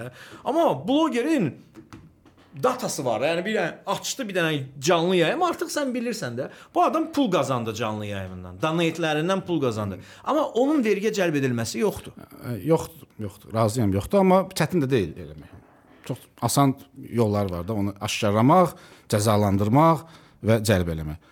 Sadəcə necə ola bilsə ki, prioritet deyil. ödəmirsən, xeyir Sadəcə ola. prioritet məsələsi var. Yəni ki, bu mövzu hələ ki prioritet Belə deyil. başa düşdüm ki, qanun şey deyil də, bu elastik deyil. Çünki e, biz bundan öncəki verilişimizdə də onu şey edirdik ki, insanlar burada söhbət Azərbaycandan gedir də. Bir startap, bir şey eləmək istəyəndə onu burada saxlayacaq və maraqlı edəcək cəlbedici e, güzəştmi deyim, effektiv bir şeylər ki, yoxdur. Yəni sən Azərbaycanda satış edirsənsə, hə, sən 7 illik vergidən azadsan. Okey, mən Azərbaycanda şirkəti yaradıb dünyaya milyonluq satış edirəmsə, Mümkün nə fərqi var ki, bu mən vergidən azad elə də mən. Əsas odur mən satıram da bunu da. Yəni Azərbaycanda nə bazar payım var ki, mən durub Azərbaycan niyə satım bunu? Böyük düşünmək üçün, böyümək üçün ümumiyyətlə Azərbaycandan kənara çıxmaq lazımdır. Zaten biz bunu belə eləmişik. Azərbaycanda fəaliyyət göstəririk, böyük şirkətlərə xidmət göstəririk. Amma Azərbaycanda bunu eləmək üçün Azərbaycanda bir Keepface MMC var. Hı. Amma biz Keepface MMC ilə dünyaya xidmət göstərə bilmirik. Çünki ödənişlər məsələsi var, bizim rahat o Şirkət influencer- harda açmısınız? Amerikada yoxsa? Bizdə həm Amerikada şirkət var, həm Dubayda var, həm Azərbaycanda var, həm Türkiyədə var. yəni- Hər ölkəyə uyğun. Belə deyək, ana şirkətimiz Amerikadadır, Delaware ştatındadır. Bir dənə operation şirkəti var ki, Dubaydadır, Frizonda yerləşir, hansı ki biz oradan dünyanın istənilən yerinə pul rahat pul ödəyə bilirik. Yəni məqsəd rahat pul ödəməkdən gəlir. Hə də onu burada yaradın da. Yəni əsas məsələ sən onu burada sənə o imkanı versəydilər, tool deyirsiniz də aləti. Sən onu burada eləyəcəydin. Mütləq, mütləq. Bizim regionda vəziyyətimiz necədir bu startap və yenilik, innovasiyalarla bağlı? Bizim region deyəndə Azərbaycanmı yoxsa Azərbaycan, Ermənistan, Gürcüstan, Qafqaz, postsovet Lap ölkələri. İranı da götürək. Məsələn, İranda vəziyyət mən bildiyim çox yaxşıdır. Orta Doğunun ən böyük saytı onlardadır Digikala. Hmm. E, Bakıya da gəlmişdi oranın e, sahibi. Yəni adam e, çox böyükdür. Yəni bizim bu Qafqaz regionu desək, elə İranı götürsək, bu böl- İran belə fərqlidir, amma Qafqaz bölgəsində belə deyək də coğrafi yerləşim startapların böyüməyinə o qədər də imkan vermir. Ə, Axı mümkün Bakı- deyil de- demirəm, amma çətinlik var. Bax Bakıda e, əgər mənim gətirdiyim şirkəti e, mən public eləsəm ki, mən səni hüquqi olaraq qoruyuram. Sən burada bəlli imtiyazlara sahib olacaqsan. Security-si yerindədir. Şəhər qəşəngdir. Ucuzdur. Ev tapmaq rahatdır. Basabas deyil. Havası o qədər də çirkli deyil. Nə bilim, hər şey var. Ümumiyyətlə Qafqazda, yəni Azərbaycan, Bakını deyək də, də. Bakı hub ola biləcək, yəni innovasiyada Ola hub ola yerdir. biləcək yerdir. Xəritə, yəni Allahın hər yerə yaxın hədiyyəsidir. deyə, Allahın- Xəritədə belə yer var. Tam ada da ola bilməyib ha əclaf. Bir də, bir də burada o da yarım olur. mədəniyyət məsələsi var burada. Azərbaycanlı startapların ən üstün tərəflərindən biri rahat qonşu ölkələrə asa bilirlər nəyə görə? Biz həm türk dilində danışa bilirik, həm rus dilində danışa bilirik. Yəni rus dilli, türk dilli ölkələr ki bizim ətrafında çox ra- rahat böyüyə bilirik. Yəni Türkiyə Azərbaycan kimi Qazaxstana daxil ola bilmir və yaxud da Özbəkistan daxil ola bilmir. Yəni bizdə belə yaxşı üstünlüklər var ki, bunu əslində qabardıb, bunu qabağa çəkib, ə, Bəs nə baş verir? Yox, indi məsəl üçün mən mənə çox qəribə gəlir. Məsələn, Pirallahıya elektrik qatarı gedirdi. Ha, Pirallahda elə startap qəsəbəsi, startap qəsəbəsi. Cəmaət yığışsın ora, free zone olsun, hər öz işini görsün. Necə ki Dubayda free zone var və ya başqa bir ölkədə Delaware'da dediyimiz free zone var. Ha, bunu elə də. Allahın da adı Allah saxlamış. Xariciləri nətər ay- Yox, e, misal üçün deyirəm də, yəni e, dediyim odur ki, logistika məsələsində də Azərbaycan ideal bir yerdədir. Yəni sənin Dubay ilə məsafən 3 saatdır. Yəni 3 saata gedib Dubaya çatırsansa, sən yaxın yer, Avropada yaxın yerdəsən. Yəni sən Macaristanda tez bazar çatırsan. Ya Bakı ilə Dubay Dubay isti, havası quru. O kondisioner işləməyinə görə nə qədər işıq pulu ödəyirsən? Ya 3 gündən çox qalmır. Mən tez gedir indi şirkət ordadır. 3 gündən çox qalmaq mümkün deyil. Hətta amma Bakı çox qəşəngdir axı. Allah Bakını qoy qırağa sən gedib İsmayılıda da bunu eləyə bilərsən də, Şamaxıda da eləyə bilərsən, lap ideal ola bilər. Şəkidə də. Yəni demək istədiyim odur ki, bizim qanun çevik deyil. Ki, məsələn, dünyada dəyişir proseslər, çox sürətlə gedir, amma qanun onunla arxasınca gedə çatdıra bilmir də. Belə də qaçır, qaçır, qaçır. Artıq o qanun dəyişəndə o sistemin özü köhnə olur. Artıq başqa bir sistem çıxmış olur ortalığa. Ya Kobe bunu eləməli deyil. Sualları da döşüyor. Bu da cavab çıxım gedir mesela. Mən həm vergi işim daha cavab verməyəcəm. İndi Kobe Yox, keçir. ya e, e, sən sahibkarsan. Sən prosesin içində olduğuna görə sən artıq reallığı bəlkə bizdən də daha yaxşı bilirsən. Ə, razıyam. Bir də ki, bayaq deyirsiniz, havası yaxşı, nə bilim, gəlmək, getmək rahatdır. Bir də indi fiziki olmaq üçün olmaq məcburiyyəti yoxdur. Yəni mən Delaware-də ana şirkətimiz De- Delaware-də bütün əməliyyatlar onun üzərindən keçirdi. Mən bir dəfə bank açmaq üçün ora getmişəm də, bank hesabı açmaq üçün. Heç şirkəti belə getməmişəm ora açmaq üçün. Və ondan sonra mən Delaware ştatına ümumiyyətlə getməmişəm. Amma bizim bütün əməliyyatlar oradadır. Bizim hər şey biz Delaware Ona pul qazanır da sizdən. Əlbəttə biz şeydir, franchise tax veririk hər il orada. Ə, Bəzi vergilərdən azadıq, amma vergi veririk. Yəni ə, işçi götürürük oradan. Yəni bu hamısı önəmli faktorlardır da və yəni dediyim ki, heç fiziki olmaq məcburiyyəti yoxdur ki. Amma güzəştlər verdik təqdirdə, yəni o Delaware-ın əm- əməliyyat o Delaware-da yox, burdakı Pirallahı da gedə bilər. Mə- Məsələ qanun vericiliyi. Pirallahı indi desən təzə konseptdə desən ələtdə qurmaq istəyirlər o free zone məsələsini. Hı hı. Mən ə, indi bilmirəm ə, targetinqə düşmüşəm şeydə. Gürcüstanda free zone var. Durmadan mənə reklam göstərir ki, şirkəti köçürün bura, şirkəti köçür bura. Ə, Kobya dediniz. Kobyada ə, gör, görünən odur ki, orada nəsə işlər baş verir. Startap olaraq biz hiss eləmirik onu o qədər. Faydalanmısınız oranın hər hansı Yox, bir şeyindən? ə, bir startap şəhadətnaməsi verirlər indi. Mən ə, istəyirik alaq. Amma belə deyək də, yeni indi biz startap biraz 5 illik startapıq da biz üç vergi ödəyirik, nə bilim, yəni yeni yaranmış startapın startap şəhadətnaməsi o qədər də ehtiyac yoxdur. Çünki o vergi vermir orada. O hələ 2-3 il zərərə işləyəcək də orada. Hmm. Ə, amma belə də başqa startaplarla bağlı Yəni, bilmirəm. yəni mənə elə gəlir ki, biraz ə, bu məsələdə həm o ə, blogerlərin ə, şeyə cəlb olunması, vergiyə cəlb olunması, yəni mən verilişimdə ə, hər hansı bir reklam yerləşdirirəmsə və ya səhifəmdə bir reklam yerləşdirirəmsə, mən ondan aldığım gəlir mütləq qaydada vergisini ödəyirəm. Mənim bir bəyannamə və mənim Vergilər Nazirliyində belə bir datam var ki, bu adam nə qədər vergi edib, vergi borcu nə qədərdir və s. və s. ə, şikayətim nədən olub, nə edib. Yəni mən bunu ödəyirəm. Məlum olur ki, 200 min, 300 min izləyicisi məndən daha çox izləyicisi olan bir adam. Mən bilmirəm qiyməti neçəyə götürür ha. Hələ bəlkə dempinqlə məşğul, onu qoyuram kənara da. Eləyir bunu. Amma bir qəpik də xeyir vermir.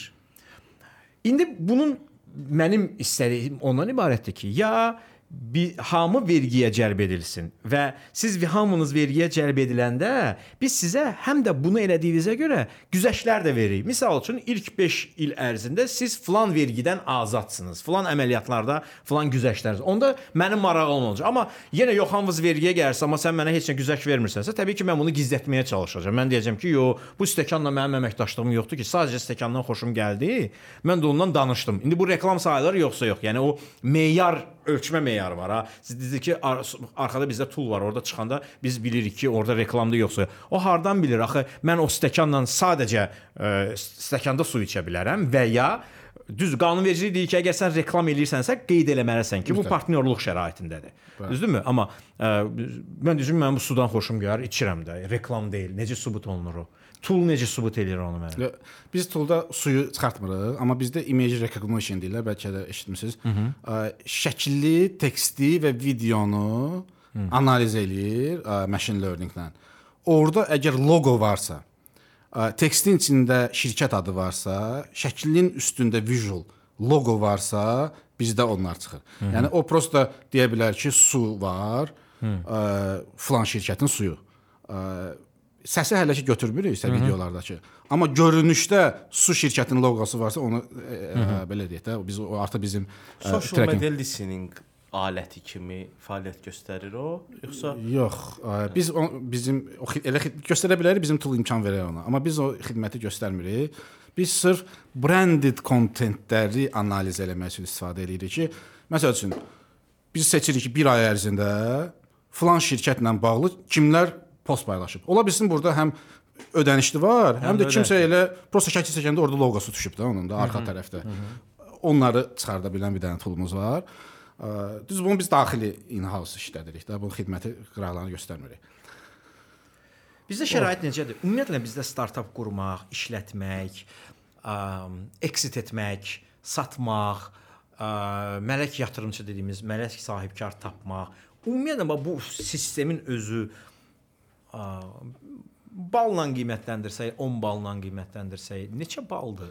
Mən Və nələr düzəlməlidir? Ümumi ə, qiymətləndirmə çətindir, ə, amma onları o hər parametri götürüb ayrı-ayrı qiymətləndirsə daha yaxşı olar da. Ümumiyyətlə mələk in, investisiya deyək də, fundraising prosesi. Fundraising 10 üzərindən 2. Ə, Niyə? Bizdə startaplara yatırım eləyən investorlar, şəxsi mələk yatırımcılar deyək, barmaqla sayıla biləcək qədərdir, yəni. Ə, Banklar bunu eləmirlər. Çünki mən banklarla maraqlanmışam. Heç biri startap üçün kredit vermir. Belə bir paketi yoxdur. Yəni startaplar üçün kredit ver, verir Rabitə Nazirliyinin nəzdində olan bir dənə orada fond yox, var. Yox, məsələn, siz gəlirsiniz banka deyirsiniz ki, bax mənim belə bir ideyam var, mənə bu qədər şey lazımdır da. O gəlsin səndən şərik olsun, pul versin. Bizdə elə bir bank yoxdur ki, o xidməti versin. Şəriklə yoxdur, amma ə, girovla var. Yazığım bir dənə ideyası var, o da bir girov Hə, gəlsin. Yəni evi girov qoymalısan da burada. Elə, elə. Hə, yəni riskə şərik olmur da. Riskə şərik olmur. Riskə Okey. şərik olmur. Aha, sonra investorlar iki. investorlar ə, yox. Startap qurmaq mən ümumiyyətlə burada hal-hazırda bu son 2020-2021 pandemiyadan sonra deyək də, Hı -hı. yəni ə, o kapanmalardan sonra ümumiyyətlə startap qurmaq üçün məkan anlayışı itib. Yəni fərqi yoxdur sən Dubayda oldun, Amerikada oldun və yaxud da ki Bakıda oldun. hı. Sən startap qura bilərsən. Yəni qurmaq üçün sən hansısa bir məkanda olmağın fiziki olaraq ehtiyac yoxdur. Var ehtiyac nəyə görə? Oradakı ekosistemin ə, tərəflərindən istifadə etmək. Hı. Yəni orada akselerasiya proqramı ola bilər, orada investorlar. O, tərəfdən var ki, sənə məsəl üçün də ə, Almaniyada yaranan startapçı ilə Azərbaycanda yaranan bir startapın elə bir sən ə, eyni sektordasınsa, sən elə bir ki, iki addım geridən başlayırsan da. Orada ca- investment -hı. əl çatandır. Orada dövlətin özünün ə, inkişaf proqramı var startaplar üçün və s. Amma sənin fiziki olaraq hardasa hansısa məkanda olmağına ehtiyac yoxdur. Biz Bakıda olaraq metaverse yaradırıq. Dünyanın müxtəlif yerlərindən 3 milyon investment almışıq da. Yəni bu mümkündür də. Yəni Hı hı. hə, həm də mən həmişə onu deyirəm ki, ə, elə yerlər var ki, ə, ora cığır açmaq lazımdır. Ə, məsələn bir dənə qarlı bir dağ nəzərdə tutun. Orada qarda da getməyə yer yoxdur. Amma kimsə bir dənə cığır açırsa, da arxadan gələnlər o cığırla daha rahat hərəkət edə bilirlər. Yəni biz bir növ o funksiyanı özümüzdə, yəni o missiyanı özümüzdə biraz da hiss eləyirik hı. ki, biz və bizim kimi də tək deməyim bunu. Bizim kimi şirkətlər cığır açan şirkətlərdir. Yəni Azərbaycanda qlobal startap qurmaq olarmı? Bəlkə də 3-4 il bundan əvvəl hamı deyirdi, yox, mümkün deyil. Sən mütləq gedib Amerikada, nə bilim, Kaliforniyaya köçməlisən. Hı. Amma biz biraz onu ə, dəyişə bildik o məsələni. Burada amma belə bir şey var da, e, Bill Gatesin Microsoft qurmağının e, altında yatan səbəb Bill Gates-də sürpriz deyildi də. Anasının anası işi. universitetə girişi var idi və ona e, o vaxtda 6 saat, 4 saat kimi limitlər ki vardı. Bill Gates-ə limitsiz bir e, kompüterdən istifadə saatı yaratmışdı və adam girib istifadə edirdi. Biz bəzi şeyləri şans əsəri görürük, amma e, sizin startapın ya da Talehgilin startapının həm də uğurlu olmağının e, şans deməyim, amma alt səbəbləri də mütləq var. Onun e, şəxsə bağlı səbəblər də deyə bilərik. Bəzən təsadüfi səbəblər də deyə bilərik, amma e, ideya bundan ibarətdir ki, əgər o vaxtı kompüter sayı çox olsaydı, yəni gələcəyi oxuya bilən adamlar olsaydı, Bill Gates kimi milyonlarla adama kompüter açılsaydı, bəlkə də hal-hazırda bir Microsoftun e, monopoliyası ətrafında yox, biz yüzlərlə Microsoft arasından seçim eləyərdik və Amerika daha güclü olardı. E, e, İzah edə bilirəm, amma yəni mənim o fikrim və tənqidim ondan ibarətdir ki, bizdəki startaplar öz e, yaşıdlarından başqa ölkələrdəki çox daha çətinliklə irəli gedirlər. Çox daha fərqli e, problemlərlə rastlaşırlar, hansı ki ödəniş sistemi. Ya bu ödəniş sistemi həll olunub da bu dünyada. Yəni qoşulsa, Niyə qoşula bilmirik? Yəni qoşul. Problem doğrudan biz niyə qoşula bilmirik? Problem Yəni nədir? PayPal niyə qoşa bilmir? Qanunvericilik O məsələsi var da, qanunvericilik. Bi- Bildim, hal-hazırda da məhkəmə tərəfindən hüquqi qiymətini almış Beynəlxalq Bankın məsələsində də neçə milyard getdi. Mənim satacağım 5 dollarlıq PayPal stəkanı mı hüquqi olaraq problemdir? Yəni Tahir Kərimli dinozavrla video çəkənə qədər bu məsələnin həll olunmasında iştirak edə bilərdi. Də qardaş, yəni bunu niyə belə bilirsiniz hə də qardaş bu dinozavrı yelləyirsən, a mənim başqa dərdim var. Dinozavrı qoy qırağa. Yəni bəzən mən bu məsələdə öz efirimdə də avtostopda da emotsion oluram ki, otururlar kabinetində, qapını açıb bayıra çıxmır ki, ha, dünyada nə baş verir? Şəhərdə nə baş verir? Küçədə nə baş verir? Bu cəmaət nə fikirləşir? Ə, biz Apple Pay gəlməyini bayram eləyirik. O Apple Pay, baxın məndə Apple var. Dünya bunu çoxdan keçib. e. Yəni yüzlərlə ödəniş sistemi var və mən bu yüzlərlə ödəniş sistemini search edirəm. Baxım görüm hansı Azərbaycana xidmət göstərir. Heç bir xidmət rəsmən Azərbaycana xidmət göstərmir. Sən onun şeyində deyilsən, e, yəni siyahısında deyilsən. Nəyə görə? Çünki burada real olaraq heç bir qanunvericilik səviyyəsində şey yox. Ola bilsin ki, o, o orqanda çalışan, vergidə müasir düşüncəli insanlar var. Hansı bir xidmətdə, Kobinin özündə də bəlkə müasir düşüncəli insan var, amma ümumi olaraq onlar axı bir o bürokratiyanı aşa bilmir, yeb qanun dəyişə bilməz. Axı qanunu dəyişir o şeydə oturan, məclisdə oturan adamlar. Üstə gəlsən hələ onu izah etməlisən ona. Yəni adamlar götürürlər e, parklanmaya görə cəriməni e, artırırlar, amma parklanma problemi necə həll olunmalıdır, o heç kim danışmır. Hə qaldırdın cəriməni, problem həll olunmadı axı. Yəni bu investisiya cəlb etmək nədir? Yəni bu təkcə gəlin burada zavod tikin və ya nə bilim çıxındır fabrika düzəldək deyil də. Bu həm də niyə görə bizdə böyük serverlər olmasın ki? Dəniz qırağında yerləşdir və havalandırsın, soyutsun. Misal üçün deyirəm, e, hamısı Finlandiyada, Norveçdə və ya digər yerdə və ya Estoniya balaca ölkədə hövsan boydadır. Eyni gündə azad olmuşuq. 3 milyon əhalisi Eyni var. gündə. E rezident verir, flaşka ilə gəlirsən oranın vətəndaşı olsan iş gör. Və tək şeyləri e, startaplara və texnologiyaya verdikləri freedomdur da, rahatlıq. Estoniya başqa nəyi var ki, kültürü İndi qarşılaşdırmıram amma döyərik onları. Sayımız çoxdur da. Ya biz çox bacarıqlıyıq bu baxımdan. Biz çox bacarıqlıyıq, musiqiləri yox. Mən bir ara dadanmışdım bu estonlara. Yəni ki, məsələn, mən PayPal sahibiyəm. Mən ə, bu il hədəfimdə var ki, 5 dənə təzə ölkəyə daxil olmalıyam. Yeni ölkəyə. Yəni Azərbaycan o prioritetdə yoxdur. Ax, bəlkə də ən sondadır. Nəyə görə? Azərbaycanda ümumiyyətlə nə qədər PayPal istifadəçisi var ki? Yəni mən gəl bu dəqiqə PayPal açs- açsam, nə qədər PayPal istifadəçisi olacaq? Çox az miqdarda da. Yəni mən ora hansısa bir resurs ayırmağım, orada bir server qurmağım, orada gedib banklarla müqavilə bağlamağım, ə, yəni bir texnoloji şirkət olarım. Məndən Estoniya var. Estoniyada artıq ekosistem var. Orada yəni biz təzə-təzə kart ödənişlərinə keçmişik də. Yəni, yəni o tətikləyici şeylər yoxdur da bizdə. Çünki qanunvericilik səviyyəsində bunu nəzərdə tutulmadığına görə bu tətikləmir. Estoniyanın 3 milyon əhalisi var. Bizim 10 milyon əhalimiz var. Oradan nə startaplar çıxır və nə texnologiyalar çıxır? Bizdə nə çıxır? Yəni problem ondadır. Yəni ki biz e, irəli düşünən insanlarımız var, gənclərimiz var. Amma onlar gedirlər, artıq gedir işinin başa düşür ki, bunun bir hissəsi var ki, bu Azərbaycanda bu qədər böyüyə bilər. Ondan oyuna böyüyə bilmir. Mütləq. Və o mütləq yerini dəyişir. Və bu yerini dəyişəndə Bu artıq beyin köçünün deməsi, getməsidir və artıq kimsə öz övladını böyüdürsə fikirləşir ki, yəni bu buradan oyuna artıq getməlidir. Bilirsiz niyə? Ürəyim açılıb verir. Hə. mən xaricdə şirkət satanmısı okey, amma mən quracağım şirkətdə və yaradacağım fikir dəyərində Azərbaycandan çıxmaq istəmirəm. Mənim şəxsi ideologiyamdır. Mən köçəri yaşamaq istəmirəm. Mən qaçqın deyiləm. Bura mənim vətənimdir. Mən ə, çox belə millətçi zat deyiləm, belə belə be- deyiləm, pan-türk heç deyiləm. Olduğum dövr olub indi deyiləm. Mən peşəkar Azərbaycan vətəndaşıyam. Bu bir şirkətdir, bir bir şeydir. Mənəvi bağlarım var, fiziki bağlarım da var. Mən bura maya qoyub fikrimi, dəyərimi bu ölkəyə vermək istəyirəm. Xeyir vermək istəyir. Xeyir vermək istəyirəm. Niyə niyə bariyer? Yəni o dinozavr nə idi?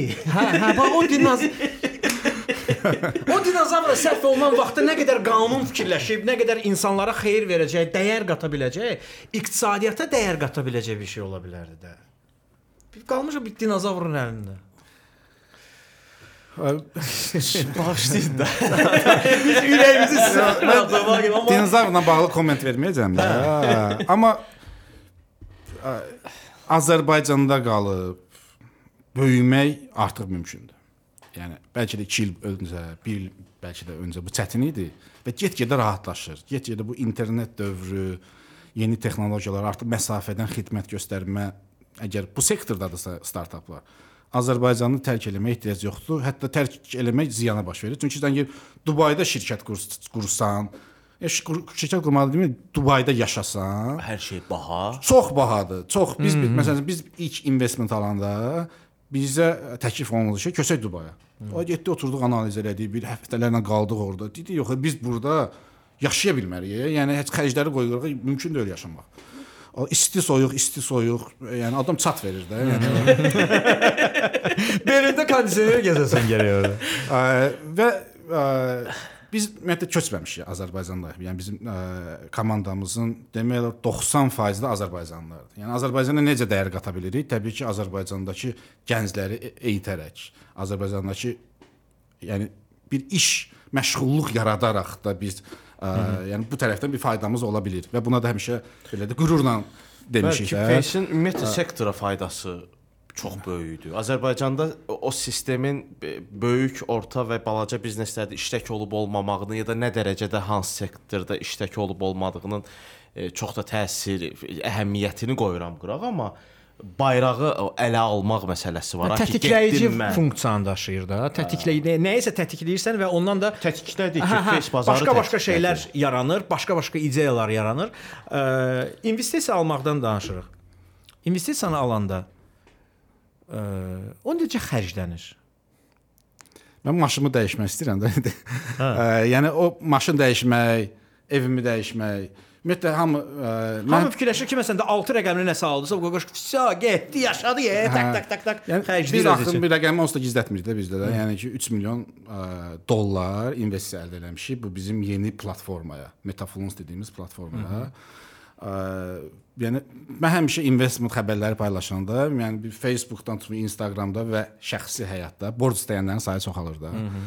Ə, yəni hamı elə bilir ki, Soda Vaqif 3 milyon pulu var cibindədir. Yəni Çamadanı gətirib qoyublar Çamadanı gətirib qoyublar evdə də və ya yastığın altında. Bu belə deyil də. Yəni ümumiyyətlə investment şəxslər almır. Investmentı şirkət alır. Bu şirkətin ə, kassasında olur, yəni bankda olur və yaxud da ki o şirkətə hissəsi ödənilir. Yəni al- ala 3 milyonu xərcdə deyil. Ə, sən müəyyən öhdəliklərin var investorlar qarşısında, həmin investor milestone-lar deyirik də, Hı hı. roadmap-in var, yol xəritan var. Onları həyata keçirdikcə sən o ə, belə deyək də vəs vəsaiti əldə edə bilirsən ki, növbəti milestone-lara keçə biləsən. Biz 3 dəfə investment almışıq. Birinci 300 min dollar olub, sonra 150 min dollar olub, sonra arada bir boşluq olub ə, və son dəfə də 3 milyonluq bir investment almışıq. Sual nə idi tam olaraq? Yəni o pul necə Hara xərclənir? xərclənir? Hə. Hara xərclənir? Necə yeri xərclənir? Yəni necə kontrol olunur? Ümumiyyətlə burada şəxsi xərclərin eləyəndə məsələn mən tutaq ki Azərbaycan şeyinə deyirəm də, yəni sən dividend alırsanmı oradan, yoxsa mənfəət vergisi ödəyirsən? Yəni o proses özü maliyyə prosesi necə gedir? Yəni 3 milyon böyük rəqəmdir Azərbaycan reallığında ki, o 3 milyon pulu var Vaqifin. Amma 3 Vaqif izah etsin ki, bu 3 milyon hardadır da? Çünki borc istəyirlər. Ə, ya dəqiq 3 milyon məndə deyil. Demək, var təsisçilər, var işçilər, belə də qrup bölsə. Biz çoxmu belə bölmürük, bizdə hamı komandadır da. Amma deyək ki, təsisçilər. Biz Keepface-də birinci investment alanda, ikinci invest- investment alanda biz 1 qəpik də olsa özümüzə maaş yazmamışıq o periodda özümüzə. Yəni təsisçilər, təsisçilər başqa işçilər kimi, digər işçilər kimi eyni ə, belə deyək durumdadılar da. Biz özümüz Metafluence-dan və ya Keepface-dən maaş alırıq. Yəni bizim oradakı şəxsi məbləğimiz maaşdır. 3 milyonu hara xərclənir? Ümumiyyətlə 3 milyonu alan almamışdan öncə sənin ona xərclədiyin bir strategiyan olur. Yəni sən zaten onu investorlara göstərirsən ki, mənə 3 milyon lazımdır. Nəyə görə lazımdır? Mən falan falan falan yerlərə platformada falan yerlə məsələləri həll etməyə və yaxud marketinqə və yaxud satışa və yaxud təzə bazarlara açılmaq üçün özünün bir planı var. Onun xərcləmə planı deyək də buna. Ə, və sırf ona baxıb investorlar buna yatırım eləyirlər. Yəni Hı o -hı. olmadan e, prosta mənə 3 milyon yox 5 milyon lazımdır. Bəlkə heç 3 milyon lazım deyil, 1 milyon lazımdır sizə. Hı -hı. Yəni bunun bir əsaslandırılmış bir planı olur. Ə, investorlarla da bu period eləyəndə buna due diligence deyirlər də. Yəni bu 1 ay, 2 ay investment şirkəti startapı araşdırır. Həm legal olaraq araşdırır, həm komandanı araşdırır, həm orada maliyyə analizləri olur ki, niyə 1 milyon, niyə 5 milyon, niyə 3 milyon. Onun hamısı əsaslaş əsaslaşdırılmış planı var ki, 3 milyon hara xərclənəcək, hansı ayda xərclənəcək və kimə xərclənəcək. Pul yoxdur. Ona görə Azərbaycanda inkişaf etməməsi səbəbi ondan ibarətdir ki, görsən nə qədər mərhələ keçirsən. Amma bir yerdə torpaq alıb ev tikib kirayə vermək və ya ə, market etmək və ya bir obyekt eləmək daha asan bir prosesdir. Sən getdin, torpağı götürdün, obyekti götürdün, işlətdin. Amma dəyər yaratmaq Ya, Azərbaycanda niyə investment eləmirlər? Başa düşmürlər prosta. Yəni bu prosesi idarə edən mütəxəssis yoxdur ümumiyyətlə. Götürə bizdə böyük maliyyə finance şirkətlər Hı. var da. Bir neçəsindən bizlə görüşmüş eləmiş. Deyir bizdə elə bir işçi yoxdur ki, o sizdəki o dediyim bayaq dediyim due diligence prosesini həyata keçirə bilsin, təcrübəsi olsun. Ha, Soğan olsun, nağd olsun Mən söhbəti şeyə budur. baxıram. Bax elə yeri gəlmişkən. E, universitet reytinqlərinin datasını götürmüşəm. E, İqtisad Universiteti nə bilim 1800-dədir, Tibb Universiteti 2200-dədir, 900-də bir Mhm. universitetimiz var. Ləğv eləsinlər də. Eləsinlər kurs, sertifikat versin də. Tibb universitetinə eləmək mal saxı kurs. Orada razı deyil. Yox, İqtisad Universitetini, ya hər hansı bir universiteti, indi universiteti bilirəm. Hı. Aqa ləğv elə, onsa reytinqdə 1200-cü yerdədir. Reytinqdə 1200-cü yerdə olan Ləğv edənə universitetlər qədər düzəltmək daha yaxşı olardı. Ha düzəlməyəcək. O yığ onu, ona elə kurs, kursera elə. Sertifikat ver də. Niş yerə böyüt də. Yəni Mən mən tərəfdarıyam ki, 135 min Ancaq dənə kod- fakültə, yox, 135 min fakültədənsə 10 əsas yaxşı fakültə Hə, saxlamaq saxla. daha doğru olar. Yəni hər il Azərbaycanda nə qədər hüquqşünas e, istehsal edirsən, amma o qədər hüquqşünasa ehtiyacın var bu universitetlər ki var, bu universitetlərin hamısı e, kompüter mühəndisi yetişdirir. Hı hı. Amma sən gedib Kod Akademidən e, mühəndis axtarırsan. Ya da Ukraynadan tutursan Ya da adam- Ukraynadan tutursan. İndi Vaqif sənə deyir. Vaqif sənə deyir. Məndən niyə danışırsan? Dərdin açılıb məndən. Mən siz danışanda mən fikirləşirəm ki, nəsə oradan bir sual çıxırmı, mən nəsə cavab verərək çalışıram. Yox, yəni sual kimi yox, yəni söhbətin içərisində müdaxilə etmək. Yəni ə, son olaraq ə, elə bu ə, Ukrayna və Pakistan proqramçılarından istifadə, aktiv istifadə olunması. Sən Azərbaycanda mən öz praktikamdan deyirəm. Birinə müraciət edirsən, sənə elə bir fantastik qiymət deyir ki, elə bir bütün atasının da kreditini sənin hesabına bağlamaq istəyir. Amma eyni ki, daha vaxt vaxtında keyfiyyətli və sənə gecə saat 3-də də yazsan geri dönüş edə biləcək Ukraynalı 2 dəfə ucuz eləyir və hətta sən belə ardınca bir şey də göndərə bilər. Borc, Ukrayna borcu da göndərə bilər ki, al bunu da vur bədənə. Bu da məndən sənə hədiyyə. Niyə belədir? Əslində bu sual müxtəlif cavabları ola bilər. Yəni çətin əslində sualdır bu. Hı. Biz öz praktikamızdan deyə bilərik ki, bizim ümumiyyətlə proqramistlərimiz heç vaxt xaricilər olmayıb. İndi belə blokçeyn texnologiyası istifadə edirik də. Hı. Yəni bu blokçeyn texnologiyanı olan şeyləri biz özümüz yetişdiririk. Biz onlara kurslar alırıq, veririk ki, Hı hı. bax bizim vaxtımız var da, biz bu blokçeyni tək tətbiq eləməyə vaxtımız var. Biz buna yetişdirməyə çalışırıq. Biz bir neçə dəfə freelance olaraq Ukraynalı, nə bilim İranlı onlarla işləməyə çalışıb iş alınmır onlarla işləmək. Niyə onlarda ucuzdur, bizdə bahadır? Ona keyfiyyətli iş də verirlər. İndi ə, iş burasında da ki, söhbət məsuliyyətdən də gedir, keyfiyyətli iş də verirlər, yaxşı tələbatlı. Məsələn, Belarusiyalı proqramçılar, yəni bu dəqiqə ən tələbatlı insanlar. Teslanın Azərbaycanın banklarının, aparıcı banklarının IT departamentləri artıq Ukrayna vətəndaşları ilə doludur. Var. Hə, amma Azərbaycanlıya müraciət edirsən, o sizdən çox fantastik qiymət verir. İnanılmaz dərəcədə. Halbuki məsuliyyətsizliyin bəlkə də pikini yaşayır adam.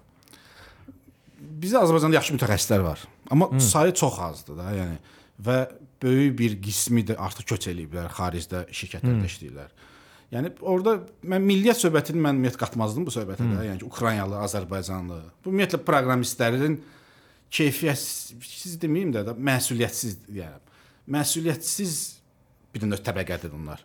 Yəni onlar biraz baş beyinləri başqa cür işləyir onların. Hı -hı. Yəni onlar ə, məsəl üçün biz biznesmen olaraq deyir ki, o deadline olmalıdır, bura çatmalıdır. Hı. Yəni mən indi ə, bizim şirkətdə də həm biznes tərəfdəyəm, həm də IT tərəfdəyəm də. Bu ikisi arasında olan koordinasiyanı qurmağa çalışırıq da. Ümumiyyətlə proqramistlər bu biznes tərəf başa düşmürlər də. Kimsə onu bunu mütləq deməlidir də. Bizdə yaxşı mütəxəssislər var. Ə, bizdə yaxşı mütəxəssisdən sayı çox azdır. Yəni biz özümüz belə çox əziyyət çəkirik də və yaxud da ki onu junior səviyyədə götürürük və onu Hı hı. inkişaf etdirməyə çalışırıq. çalışırıq.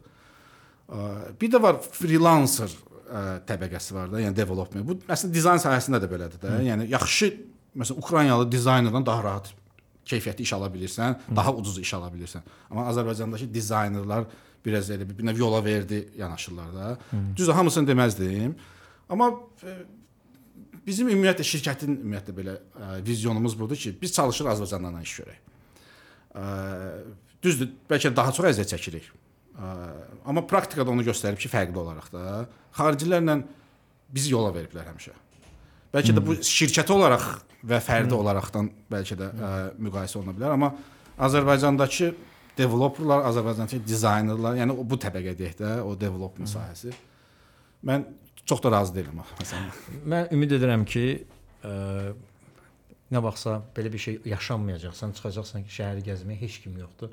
Hamı evinin içində o metaverse-ün içərisində gəzir şəhəri. Sənsə belə o, o Will Smith-in filmi kimi tək küçələri gəzəcək amma gəzərsən. Bu olmayacaq, amma görünən odur ki, bəlkə də ona doğru gedir. Artıq insanlara real həyat o qədər maraqsız, boz və təhlükəli olacaq ki, ə, onlar bütün tələbatlarını məhz o virtuallıqda, reallıqdan uzaqlaşaraq virtuallıqda yaşayacaqlar. Bu yəni bütün tələbatları deməyək. Amma əyləncə var da. Yəni bu dəqiqə fan.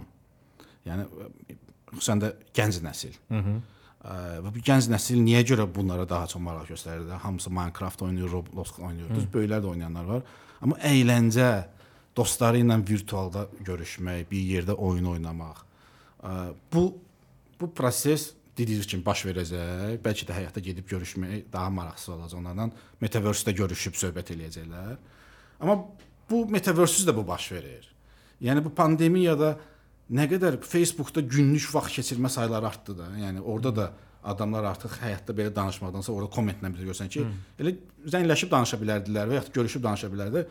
Elə sosial mediada bunu bu, ehtiyacı sosial mediada öldürürlər də. Yəni WhatsApp-larda öldürürlər bu məsələ məsələni. Yəni bu proses onsuz da baş verir. Bu metaverse ola bilsin ki, buna biraz da təkan verəcək. Çünki çox maraqlı olacaq, imkanlar geniş olacaq. Məsələn, mən həmişə metaverse biraz başa düşməyənlərə deyirəm ki, Ready Player One kinosu var. Hı hı. Yəni baxmısınız ya yox da. Ki orada daha nə nə imkanlar var da metaverse-in onu daha da hiss eləmək olur və problemləri də orada görmək olur ki, yəni insan metaverse ilə uşağı ilə ilgilənmir, eynə əlində hansısa bir döyüşdədir və ya nəsə də. Hə də uşağı çıxarıb gəzdirməyəcək. Yəni uşağı gəzdirmək istədi başına dəbilqəni qoyacaq ki, gedib metaverse-də gəzək. Uşaqsa bayırda D vitamini ilə çatmır.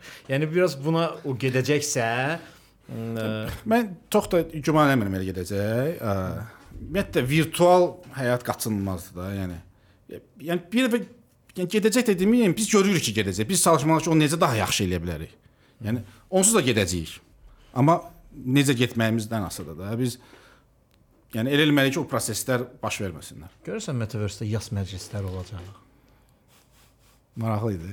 Hə, yas məclisi. Yəni bir adamın ölüb, onun ya- yasına real olaraq gedə bilmirsə, amma metaverse-də onun yasına. Texniki mümkündür eləmək. Adam yasdan da danışmaqdan qorxur. Sonra linç eləyərlər. Hacı Şahinlə şəkil paylaşacağıq. Vaqif təşəkkür edirik gəldiyinə Hə, görə. sağ ol, Maraqlı oldu. Ümid edirəm ki, izləyicilərimiz də öz suallarına cavab tapdılar, amma istərdik ki, onlar da şərhlərdə yazsınlar ki, ə, virtual həyat real həyatı üstələyə bilərmi sizcə? Və şərhlərinizi də oxuyacağıq. Bizə maraqlıdır. Təşəkkür edirəm gəldiyinə görə. Sağ ol, çox sağ ol. Mən təşəkkür edirəm.